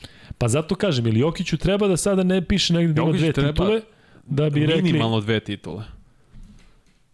Da bi rekli, eto sad je Taj to ima dve. Od back to back. I bio defensivni igrač godini, bio MVP isto lige. Neću da ulazim Russell, Karim, oni imaju, Karim ima koliko, 6, 5, ovo ima 11, ne, ta era je nebitna, mislim, nebitna. Za nas nije toliko relevantna, nikad nismo gledali, niti ne, nemamo pojma šta se dešavalo. Šek, četiri puta bio šampion. Koliko je on bio dominantan onih godina. Nisu mogli da sude Shaquille O'Neal, jer nisu znali kako da Jeste, mu sude. jeste. Pa potpuno Ajde, drugačiji tip igrača. Dakle, Ne, ne, skroz drugačije, ali pričamo o najvećim. Ti Da. da. znaš, ti si imao tu privilegiju i vidio si do nekle koja je silao bio ovaj uh, Robinson. Patrick Ewing Da, da, bio da, da. isto odličan centar. On bukvalno, ja ti Nix, ja verujem da ti počeo navijaš Nix zbog njega. Jeste. Da, on je bio u Nema Nixima, šta, pa mislim, mislim Nixi mi ne bi bili relevante više. Uzet ću primjer najsvežijeg, najboljeg centra u poslednjih pre Jokića, Dwight Howard. Ljudi mogu sad govore šta hoće od Dwight Howarda, ali Dwight Howard je 8 puta All-Star igrač. All NBA igrač, 3 puta defensivni igrač godine. Odvoja svoj tim u finale. Nije on ispred Jokića, ne, uopšte to ne govorim, nego zaboravlja ljudi šta je taj jedan Dwight Howard postigo i posle kao govore on nije u top 10 centara, a postigo mnogo. Jeste, ali pazi, on je u glavi, to mi je rekao čovjek koji je bio doktor tamo u Orlandu, u periodu kada je on bio, Uh -huh. da je on u glavi i dalje je klinac od 18 godina. I da on se šali, da se on kikuće nešto, da se nešto odlično, zeza i onda to jednostavno si sigurno ograničen. Jokić ima i dalje taj šmekerski šarm, džoker pa se šali, ali na Jokić je terenu vrlo je... bre i stabilan čovek Tako i je, inteligentan. tako je. A ovaj i dalje, na ne mislim loše, ali dalje na nivou klinca, ono, posle 18-19 godina koji, znaš, više bi da se sprda i sve. Evo, vidiš sad. Dikembe Mutombo nismo spomenuli, Alonzo Morninga. Oni su da. ispod Jokića, sorry. Ali ne mogu ga stavim iznad Ewinga, Robinsona, možda je deveti, ne znam, Moses Melona i tako to. Ne mogu, deveti. To ok. govoriš sada, Sada, sa ovog momenta. ali Za ostavljaš pet mogućnost, godina, pa naravno. ako osvoji titulu, Ako sad, ne, ako igra na ovom nivou, da bude još 5-6 godina za redom All-Star igrač All NBA, stavit ću ga u, u, na šesto mesto. Ispred ovih. I ako nema titul, ako ne osvoji titul, zato što je svojim igrom dominantnom i osvajanjem MVP nagrade back to back i Mislim, to znači da si ti 10 puta all-star igrač, all-NBA igrač. Treba doći do tih 10. I Jeste, zato, ali- ali titule ga stavljaju potencijalno titule, ne titula, množina u top 5, u razgovoru za top 5. Bez toga ne može. Um, ajde da pređemo sada na, na sledeću temu, dakle ovo što ste izglasali, a to je Kairi. E, pričali smo ja i ti o tome juče, ko nije gledao može da pogleda prethodni podcast, ali e, da si Kairi, da li bi sada ostao, vidiš da sada on treba nešto da se nađe sa nekim tim jevrijskim poglavicama, pa onda treba ne znam šta da radi. Da li bi se držao, da li bi se držao svog u smislu kao kod vakcine? Ja bih recimo to uradio da sam Kairi. Sad bi znači išao bi do kraja. I rekao ljudi ja stvarno nisam uradio ništa loše. Ako mislite da sam on je loše, to i napisao u izjavi. Ali on vidi- je i stavio link i on je neki iz uh, delove tog filma koji nemaju veze sa antisemitizmom koje smo pričali juče, na to je hteo da naglasi, nije uspeo, pogrešno se izradio, to nije se uopšte izradio, stavio samo link, umesto da možda jasnije uh, stavi do znanja na šta je mislio, okej. Okay. ali imam osjećaj što se više pravda da je u većem kanalu. Sad on kao donira pola miliona. Znaš, i sad je to kao, kao bukvalno, izvinite, zakenjao sam, evo sad pola milje vama, pa vi sad trošite pare. Dakle, to mi deluje tako. To, tako su mu postavili sistem da mora to. A stvarno taj, taj Brooklyn deluje kao sredina od koje treba bežati, dakle. Dakle, ono, ne kažem da su Knicks, jer Knicksi su decenijama u kanalu, ali Brooklyn i Lakers, ono kad sam ti rekao kada sam pričao o trejdu nekome, stvarno je potrebno neko osveženje. Dakle, potrebno nešto, eto, nek, nek sad oni tankuju, pa nek traže, lupam, ne može Vembanjamu sada, ali, znaš, nešto, zato što ovako očigledno ne ide, razumiješ? Tako da, ovaj, e, mučno mi je da ih gledam, iskreno da ti kažem. Ne znam ljudi koji se klade, recimo kako gledaju na Lakers i na Brooklyn, znaš, da li sad gledaš kao, e, kao Lakers i sad će da dobiju, ne znaš, potpuno mi je, potpuno mi je ovaj, bez veze, ali, ali dobro. Ljudi se Uh, dalje drže rasprave o centarima fenomenalno. Znači, Pa dobro, i dobro, Čitam pa- i genijan, genijalno. pokrenuli smo, ovaj, Pa pokrenuli jesmo smo i ozbiljnu branite priču. Jokića, sve ok, ali opet napravite Stavi pol, nek se ljudi malo igraju. Stavi, stavi ko je najbolji centar svih vremena, pa stavi uh, Jokić i izaberi trojicu. Mora da, mora da budu Šek, Russell i, i Chamberlain ili da stavimo Leđuvana umesto nekog. Nemamo Ček, četiri, ček, imamo četiri ček, opcije. Ko je Tako. najbolji centar ikada? A, Da stavimo, da stavimo Chamberlaina i Russella zajedno. Karim, Karim. Wilt. Ne mogu staviti Bill Russell, ali stavit ću Šek. Ja imam još uvijek šeko dres iz Orlanda. Jeste, uh, jedno vreme ja kada sam od- odrastao, po- dres Penija Hardave je bio toliko popularan. U, je, ja sam Dakle, a pritom su, znaš, radili one, bili su plagijati pa, pa si mogao da kupiš ili Hardaway i Alonzo Mourning, to je Coka Cokče, imao dres Alonzo Mourninga, zeleni onaj Šalotov, to su bili popularni dresovi kad sam, kad sam ja bio klinac. Ja stvarno ne znam kako, opet, molim vas, ra, napravite razliku, mi smo to ustanovili ovde u podcastu, između najbolji i najveći. Najbolji i najvešti igrač, to je skroz drugo, nego koji je neko najveći igrač. To, u to u najveći spada i ovaj deo najbolji najvešti i dostignuća koje je jedan igrač postigao. Ja stvarno ne vidim da će neki centar imati koliko je bil ovaj bil Karim imao MVP na osvajanje, šest da će imati 38.000 poena. Će igrati toliko dugo na visokom nivou. Možda bude Jokić, ja to sad ne vidim stvarno. To je jedn, se dešava jednom u milijardu. Nismo ni svesni, iskreno ti kažem, ono što imamo sa Đokovićem i što i dalje imamo sa Đokovićem i što imamo E, to- sa Jokićem, da. mislim da apsolutno nismo svesni da imamo čoveka koji se sprda u NBA ligi tamo sa, sa, sa svima. Dakle, on, on se čovjek sprda. Dakle, ja gledam sad ovaj njegov posljednji meč. Dakle, on je bez poena celo polovreme ili već koliko. Sa Sinoć. jednim šutem, tako? Sinoć, Da, kad ima moguće, moguće. 13, 15, 13, Da, nešto, da, da. da. A evo još jedna razlika. Jokić igra trenutno u eri gde je drugi najbolji centar Embiid, pa ajde da kažemo Carl Anthony Towns koji više sa posle četvorka, Gober. Ako ne fali mi neko, sigurno napišite. Ti znaš da je 90-ima koja je konkurencija bila. Jeste. Doba centara. Ali misliš da, da, kako bi se Jokić nosio sa njima? Sad isti taj Jokić Ne igra bi mogu se 95. nositi sa šekom. A ne bi ni ovaj mogu da izlazi stalno na tri. Ne znam kako bi to izgledalo. Ja znam da ne bi u reketu mogu da čuva Shaquille O'Neal. ja imam oći da bi svako grešio. Da bi, da bi, ne, ne bi rešio, da bi, da bi za A svakog imao pričamo nešto. napadački ili odbranbena? I jedno i drugo. Ja ne, kako, ne znam kako možda rešiš Shaquille O'Neal od, u odbrani. Pa u smislu neš, nešto bi našao. Zato što on uvijek nađe nešto. Ti, ako on može da, da recimo Gobera, koji je Al- toliko, Gober koji je najbolji defanzivac posljednjih nekoliko godina u I ligi. rešao Tako, ga u napadu i dominira nad njim. Tako je, ali i u odbrani Gober, Gober protiv njega A, Gober je iz- Pa se jeste, ali, zezam, ali, ali, protiv, jeste, ali recimo protiv Embida. Isto ga je Jokić par puta, ne mu kaže stavi u Jeste, ali džep. Embiid dobije svoje. Ima svoje poene. Jeste, mislim, dobro. Ne, ne, da se razume, Jokić je poslednjih tri godine najbolji centar u ligi. I bit će narednih 4, 5, 6 sigurno. Ali sem, sem ako Embiid nek, nešto ne eksplodira, ne osvoji titulu, šta god. Meni se čini da je konkurencija veća kao takva, da bi on bio još bolji. Tako ja gledam. On Okej, sad ovde, pošteno. znaš, znaš, ne znam protiv koga, samo što ovde igra protiv nekih ne mogu da kažem polu levih centara, ali kad dođe tako neko ko, ko, ko klinci, i posebno što se tek uče, bukvalno ih ovaj rešava lagano. Ja, ja, meni čak deluje da on i dalje ima Dakle, da ovo nije njegov maksimum, da on i dalje, da je on u stanju, ja- ja priželjkujem njegovu sezonu, triple-double sezonu. Dakle, triple-double u proseku. Dakle, to... Ne znam da li to stvari, mislim da to Zbog asistencije nije. Pa Zbog ne asistencije nije. teško je, mislim, I evo pišu da je Ejton vrhunski centar. Ne bih rekao da je vrhunski, bih rekao da je vrlo dobar centar i da možda da nije u Phoenixu dobio bi više lopti pa bi mogao da pokaže da je, vrhu, da je vrhunski centar. Ima potencijala, to trenutno nije.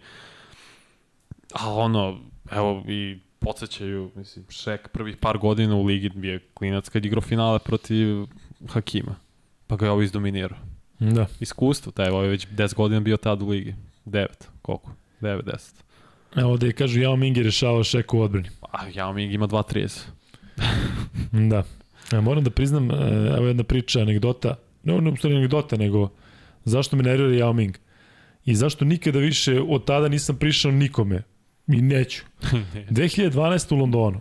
Dakle, ja imam tu situaciju da sam otišao kao urednik tada dnevnog lista danas i zaista imam slobodu tamo da pišem šta hoću, da vidim šta hoću, da prilazim kome hoću. E, imao sam zaista fantastična iskustva da imam sa tom akreditaciju mogu da uđem gde god i onda tako recimo Federova konferencija za novinare, ja ga pitam sve i svašta, pa onda s Marijem nešto pričam ovako, pa sam sa Novakom pričao, pa onda sre, sreli Lenoksa Luisa u autobusu, on započeo neku priču, sedeo pored mene, ja gledam ona desna ruka što je borila Tysona, prosto neverovatna iskustva, ali sve to u tom olimpijskom selu, gde sam ja mogu da se krećem kako sam hteo.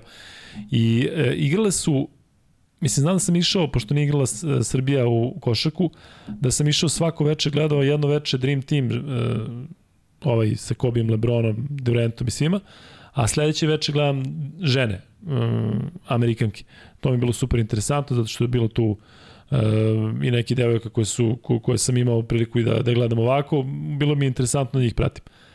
I vidim Yao Minga gore kako je ta novinarska loža koja je, koja je blizu terena, vidim on je tu, da li je bio blizu, ja rekao ajde da mu priđem da ga, da ga pitam da malo pričamo. A on debeo ko svinja, znači to je bio period kada se najviše ugojio 2012. godine, ako možete da pronađete fotografiju, znači bilo neprijatno gledati ga, sa onih 2.30 i jedno 30 kg viška. Ja mu priđem i rekao, ćao, jao, jel može i on kao, jao, izvini, moraš da pitaš, ne znam, agenta, pa se ti javi agentu, frki, mrki, koliko sam se razočarao, ne možete verujete. Znači, to je jedini put da sam ja prišao nekom i bio u fuzonu, e, vidi ga Yao Ming, je, da i razumeš da ono priđem. I od tad, znači, ne bih prišao sad da dođe, ne znam ko, Znaš da su ga tako naučili, jer ima bila neka priča, na početku nije umeo da kaže ne. Ma ljudima. jeste, nego ovako počeo rukama da radi, ovako, pa rekao, Da. šta, šta, znaš, kao, jaoj, rekao, dobro, jaoj, ajde, ovaj, E, znaš, tako da, ba, baš bilo nepretno, u smislu kao, jao, ne, ne mogu, izvini, ne mogu, pa otku, znaš, možda sam teo da pričamo o ko zna čemu, ne znam nečemu. Razumem ga, potpuno mu prilazi milion ljudi. Znači, potpuno sve, ali e, nekako sam se razočarao zato što nisam ga pitao na ulici, nego sam pitao u dvorani gde nije bilo nikoga, mogli smo pričamo o košaci ili već kako, da, da, da odmah stavi distancu. I od tad, Jasno. nikome ne prilazim nikada. A vidi koja je razlika evo, između Jokića i Embiida. Embiidu ne pričamo kao top 10 centru, ni top 15 ikad. Eto, to, to ti je nivo trenutno Jokić i Embiid, koja je razlika. Da. Jokić je tu top 10, 9, Embiid nije top 15 ikada. Najvećih centara. To je razlika između trenutno najboljeg centra u ligi i drugog. I sad vidiš koja je još razlika između svih ostalih posle Embiida. Da. O tome pričamo i bitno je kad porediš tako igrače, kogod da radi, da vidiš protiv koga su igrali, koja je bila njihova konkurencija tada. zašto ja govorim da je po meni Bryant najveštiji, najbolji košarkaš. Gledam protiv koga je igrao uporedno, koga je čuvao. Pričali ste juče koji su tri ti ko, do, super šuteri i odbrambeni igrači. Pa ovaj je čuvao najbolje bekove stalno. Da. Ne možeš budeš 11 puta all, all defensive team da ne, ne, ne igraš odbranu. Da daješ 25 do 30 pojena po meču. Ali da li onda možemo da kažemo da Russell i Chamberlain su igli u periodu kada nije bilo nikoga da im parira, pa su onda to oni su početci? NBA, možeš, Da, ali Pa da sećaš se na što to lično. To je izgledalo ko Zajan, ko 50 Zajan na srednjoj školi. Ko Zajan u srednjoj školi tako su delovali, Pa da, da, da, da šta hoće. da je, da je mogo neko drugi da beleži 50 poena po meču, ni taj Bill Da. Russell nije, taj Bill Russell je stavio ekipu na prvom mestu, pa onda sebe, dok je ovaj radio obrnuto. Da, da. Kad su tako neke nerealne brojke, onda moraš da ih uključiš, mislim. Tako, tako je kako je, dao je 100 poena na jednom meču. Da to si siguran? Znaš da ima neki priče da A, možda jes, nije kao... Dobro, Da. sigurno sam Brian tih 81. Da, da, znaš da ima kao neka priča, kao A, ne znam šta. daj, stvarno. E, ali eto, vi koji volite Kobija i svi smo sad nešto kao Kobi kako je umro, sad jednom se pojavilo milion klipova koje je ono bili i tada, ali on je recimo pričao baš o tih njegovih 81, kako je to u stvari bila njegova rutina, da znalo se tačno i jednostavno je sve ulazilo, dakle nije ništa posebno. On je pričao o tom meču, tipa, znaš, ja sam tačno znao, to sam radio milion puta, znao sam ko će da me čuva, da će da me čuva e, Jalen Rose, tako? On ga, ja mislim, čuvao, znaš da je posle bilo sprednje. A nije ga on najviše čuo, što je najbolje, Da. nije njemu najviše pojena. Da, dao, znaš da je posle bilo sprednje deo. jest. Ali kaže, to smo sve smo radili kako treba, ovaj, e, tako da nema šta. Gasi ovo, Vanja, vidiš da, da imaš nema neko. veze, Sve je okej. A. Um, Sve je cool. A šta sam teo, pa to kad sam vidio, ja ne znam da li će iko to nekad uradi. Ta, tu vrstu košarkaškog nivoa da ti u NBA meču sada, mislim, tad još je bilo uh, više half court set, u smislu nije bilo ovoliko ni pozicija, ni tempo je bio mnogo spori, najniži, jedno od najnižih uh, i u istoriji NBA tada je tempo bio totalno ono, mi, mnogo mali broj šuteva, igrao se 5 na 5, puni reketi konstantno, nisu se ni četvorke toliko razlačile, kamoli petice, i ti ubaciš 50, o, pardon, 81 poen. da. To je, to je, meni je bolje to nego Wiltovi 100. Wilt je tad bio ne, mnogo veći od svih, mnogo više, pardon, i dominantniji. Da, da. Ali ovo je stvarno... Mislim, ja se sećam i Lebronovih tri Lebronov triple double protiv Nixa u Madison Square Gardenu sa 50 poena. To je nerealno nešto. U tada, slično dobu, par godina kasnije. Carmelovi 62 u, u Madison Square Gardenu. Da, 47 ima na polovremenu, tako nešto. I sve mid-range, trojka, Da. malo, malo trojka, ulaz, to, to, to su košarkaške klinike. Da, da. Ti prosto sedneš i užeš i gledaš kako neko postiže poene. Neverovatno. E,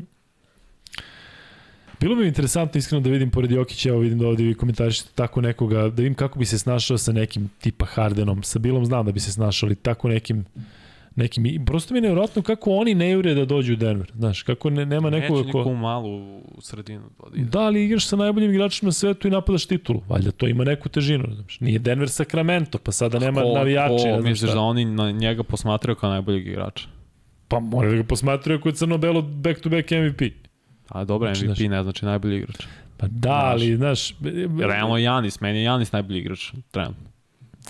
Što radi na i odbrani i u napadu. Janis Nektarina. Da. Ko što ima ona mandarina, Evo, Kristina pita- mandarina i Janis Nektarina. Evo pita Vuk Grbić svoje mišljenje o time, ako je prvo na kratko. Tracy McGrady ubica. Žao mi je što imao povrede, jer je čovjek bio Jeste, bio je neverovatan. posebno. Kad i Kobi za njega govorio da je bio najveći problem. Neverovatan. Znači, evo, pogledaj kako su ubice tad bile u tih 2000 tih. Ti, Tracy McGrady bi sad beležio 30 pojena lagano. Ne, ono protiv San Antonija je jedan od najneverovatnijih klipova, ono što je dao koliko? Kušan 14 dobijem pojena. Kuma, kumarce, da, on 13 pojena za 35 Da. sekundi. Neverovatno, da. Iverson sa... Da se zalediš kako igra. Bilo je dobrih perioda u NBA ligi, ali ja i dalje uživam u ovome dana, zato što kada Uživam ja. naš Jokić i, do, i Dončić i sve i to sve traje, ali, ali ta generacija 8-8-8-9 gde su Kari, Durant, Clay Thompson, Harden, Westbrook, dakle mislim da, da tako u dve godine da stanu takvi igrači, mislim da će biti teško. Dakle, ovdje imaš Janisa i Jokića koji su vršnjaci i onda dolazi Embiid i Embiid. Embiid je godinu dana stariji, da. ali ovaj, e, nekako kažem ta, ta, ta linija, pa tu ajde da kažem i Derrick Rose, Derrick Rose ja mislim da je, da je godinu dana Pa dobro, Rose je draftovan osam. 2008. Tad je draftovan i Westbrook, zar nije? Tako je, tako je. Harden i ovaj su dobro, Westbrook. 2009. Uh, Rose, uh, mučno pričati o njemu, Pa, gde bi bio, šta bi bio, da se nije desilo ovo što se desilo. Mislim, to sa povredama, ali... Uh, Vanček ima jedno najteže pitanje do sada. Koliko smo mi ispucali free beto? Jedno, Samo jedan? da. Nemoj izvesti. Pa daj, moramo onda da pucamo dalje. Ne, ne, uh, bilo je ono za zvezdu, ko nije Dobro, igrao. Ilić, I ni to je to, ja mislim. je li tako? Da. Evo, ko je treći od centara na listi po broju triple double To je free bet. Dakle, ko je Ko je na poziciji broj 3 za centre po broju triple double ne na večnoj listi, nego po broju uh, samo centari. Samo centari, samo centari. Da. Kukulele, dva sata noću. Ništa, napišite ti Vanja ugasi ovaj pol da, da možemo da vidimo šta je izašlo. Eto, drugi free bet, čuli ste postavio Vanja. Evo, Ilija je odgovorio Karim. Eto, Fenomenalno. Ilija je odgovorio Karim i Ilija je Ilija Živodinović. Uh, sjajno, Evo, Ilija Živodinović stigao da odgovoriš dva puta. Da. E, ništa, Ilija, šalješ e, free bet na, odnosno max bet ID na Instagram Luka i Kuzma. A e, da ispucamo odmah i ovaj e, treći free bet. Šta kažeš, Vanja? Pa da lagano završamo. Može, ajde, ajde, tepe. E, jesmo ušli u treći sat, jesmo? Jesmo. Da, stvarno ljudi moramo da završamo. Ja radim japanski futbol za 4 sata i posle imam u 10 australijsku košarku. Tako da ovaj, e, jednostavno moramo. Ali vidim da vas je i dalje puno u live-u. Mislio sam da će ozbiljnije da padne tokom NBA, ali vidim da ste vi tu i dalje. E, treći free bet će da bude sledeći. Pričali smo o najboljoj odnosno listi najboljih strelaca svih vremena po broju postignutih poena tokom regularne sezone NBA lige, gde je Karim prvi. E, pitanje je ko je drugi na toj večnoj listi. Dakle, ko prvi odgovori ko je drugi najbolji strelac e, NBA svih vremena po broju postignutih poena, dobit će free bet, tako da, e, da i to kompletiramo. Meni od sredinom 90-ih do sredinom ovih 10-ih, do neki, baš do 2016. možda 17. zlatno dobo košarke bilo. Da, ali znaš da je to bio NBA. naj... A znaš da je to bio, e, ne kraj 90-ih, ali da je bio onaj period početkom e, novog milenijuma kada je bilo katastrofa i nije bilo ljudi u dvorani, kada je NBA i nešto pao po gledanosti, dakle, baš mm -hmm. ono, marketnički su bili katastrofa. Pa Markin, da, e, Mi, Petar Mitić je odgovorio Lebron. Petar Mitić je odgovorio prvi, je li tako? Da, da. Dobro. Jesam, ja sam mislim da se tada igrala najbolja košarka, najveći skup talenta, bar što se tiče, pa smanje više svih pozicija je bilo u to doba. I nije išlo neko preterivanje kao što ima sada i presad je ono, mnogo ubrzan igra i mnogo poseda, mnogo je brži, mnogo je veći tempo, mnogo se više šutiraju trojke. I to je malo ubija i mislim buđi statistiku, da se ne lažem, Lebron sad šutira 8 trojki po meču, to je previše. Da. Nije to on. Ja, Realno prosto nije to on, da. to je mnogo da To šutaš. je provereno, to nisam ni vidio, znam samo da šutira, a? Sad na početku sezona 8 ispaljuje po meču. Pa, sa, evo, sad ću ti kažem tačno koliko je. O, mislim da je 7 tačka nešto. Uh, 3... This is... Uh, pa da, 7.7. Eto. Mnogo, mnogo, baš previše i to je ono što jedino preter, preterivanje. Vanja, ćemo da završamo. Može. Ajde stavi samo jedan pol za kraj. Dakle, imaginarni, da li bi volili da postoji poseban podcast kad se priča o NBA ligi. Dakle, vidim da vi ovde govorite da ovaj, da bi trebalo da pričamo još više, ali kada? Ljudi, jednostavno fizički nemamo, ali baš me zanima da li bi, baš me zanima gledanost, kako bi kada bi recimo radili samo NBA podcast, da ne moramo da smaramo Kuzmo ovde, da sedi jedan ovaj, i da čita ono na silu i da čeka da završimo, dobro sad je morao da ide, ali ovaj, kada bi odvojili podcast eh, poseban, baš me zanima kako bi, kako bi to izgledalo. E, I eto, to je to otprilike što se tiče ovog podcasta, dakle 94. privodimo kraju, u ponedeljak u 9, kažem, budite sa nama, gledat ćemo da, da napravimo nešto baš, baš interesantno. Hvala vam puno na svim lepim porukama, hvala puno na, na zaista velikoj, velikoj gledanosti. Znamo da, da, ovaj, da će biti tih košarkaških tema IHH i tako da moj podcast nikada neće ovaj stati E, i zaista nam je drago zbog toga kad se tek zalufa i kad krenu derbi i u Euroligi i ABA ligi, pa onda kad sad i ovi prozori, dakle, ne da ćemo imati o čemu da pričamo, nego nekako deluje da, da, da su i tri podcasta nedeljno manje, iako jedva izdržavamo i, i ovo. Tako da nema šta, e, sačekat ćemo još malo da vidimo samo da 100 ljudi barem odgovori na ovaj pol, pa ćemo onda da zatvoramo. Pa nije što sledeći put ćemo pričati o top 10 playmakera ikada, pošto očigledno to ljudima fenomenalno. Da Nisam, ne, ne, ne čitam ovde. Ne, ne, ne, ne, nije nigde pisalo, nego to je moja ideja. Da pričamo o playmakerima? Pa, ako prođemo svaku poziciju top 10 da vidimo gde je šta. Da, bilo bi zanimljivo stvarno. Ja sam na, na neki način sam opsednut tim listama, ono, večnim listama. Uh mhm. -huh. Znaš, ko je, gde je, šta i to mi je nevjerojatno da John Stockton niko neće stići. Znaš da, bi, da je Magic pričao da bi ga stigao da nije dobio... Pa, vrlo vratno da. da bi. Pa dobro, u da. isto vreme su i takmiče manje više, tako da ovaj bi zapravo morao da juri njega Stockton, zato što je ušao Magic ranije u ligu. Ali zanimljivo je gledati i ne verujem da će Kari ikad postati najveći playmaker ikada pored Magic Johnson, ali mislim da je sad drugi. Da. To je treća Isaiah Thomas, ne, mislim, šampion. Dva Jest. puta MVP je, mislim da bi jedan finala. O, realno je treba da bude na ovom Dream Teamu da nije imao prepirke sa Jordanom, to je duga priča, ali imaš i Steve Nash, i Stockton, Jason Kidd, Chris Paul, ali i slabija konkurencija u smislu te, u tom smislu slabija za, za playmakera što nema mnogo njih koji su osvajali titula. Neću sad da idem Bob Cousy, Jerry West, ko je više da. možda i back shooter. Bob Cousy, da. Neko što je play, ali on. Ali dobro izgledaju na ovom NBA 2K A, kada pa, igraš all time, pa onda ne može da promaši. E, Luka, vidim si u 21. sledeći put imaš knelu od mene. Borazio ja sam u 21. non stop. A, da odspavam dva sata pa idem u 21. je sport klub, tako da smo tamo non stop. Stavite treću opciju da bi volili ovde da se priča više o NBA-u i ovde kažu da, voli bi da ti radiš, pa da, ja sam mislio da, da, da kao mi radimo, ali Vanja možda zatvoriš ovaj pol mm -hmm. i da onda e, konačno... Sjećam se jednog pitanja, eto, s tim ću završeno, neko je postavio pre par podcasta kad smo pričali o NBA-u. Da.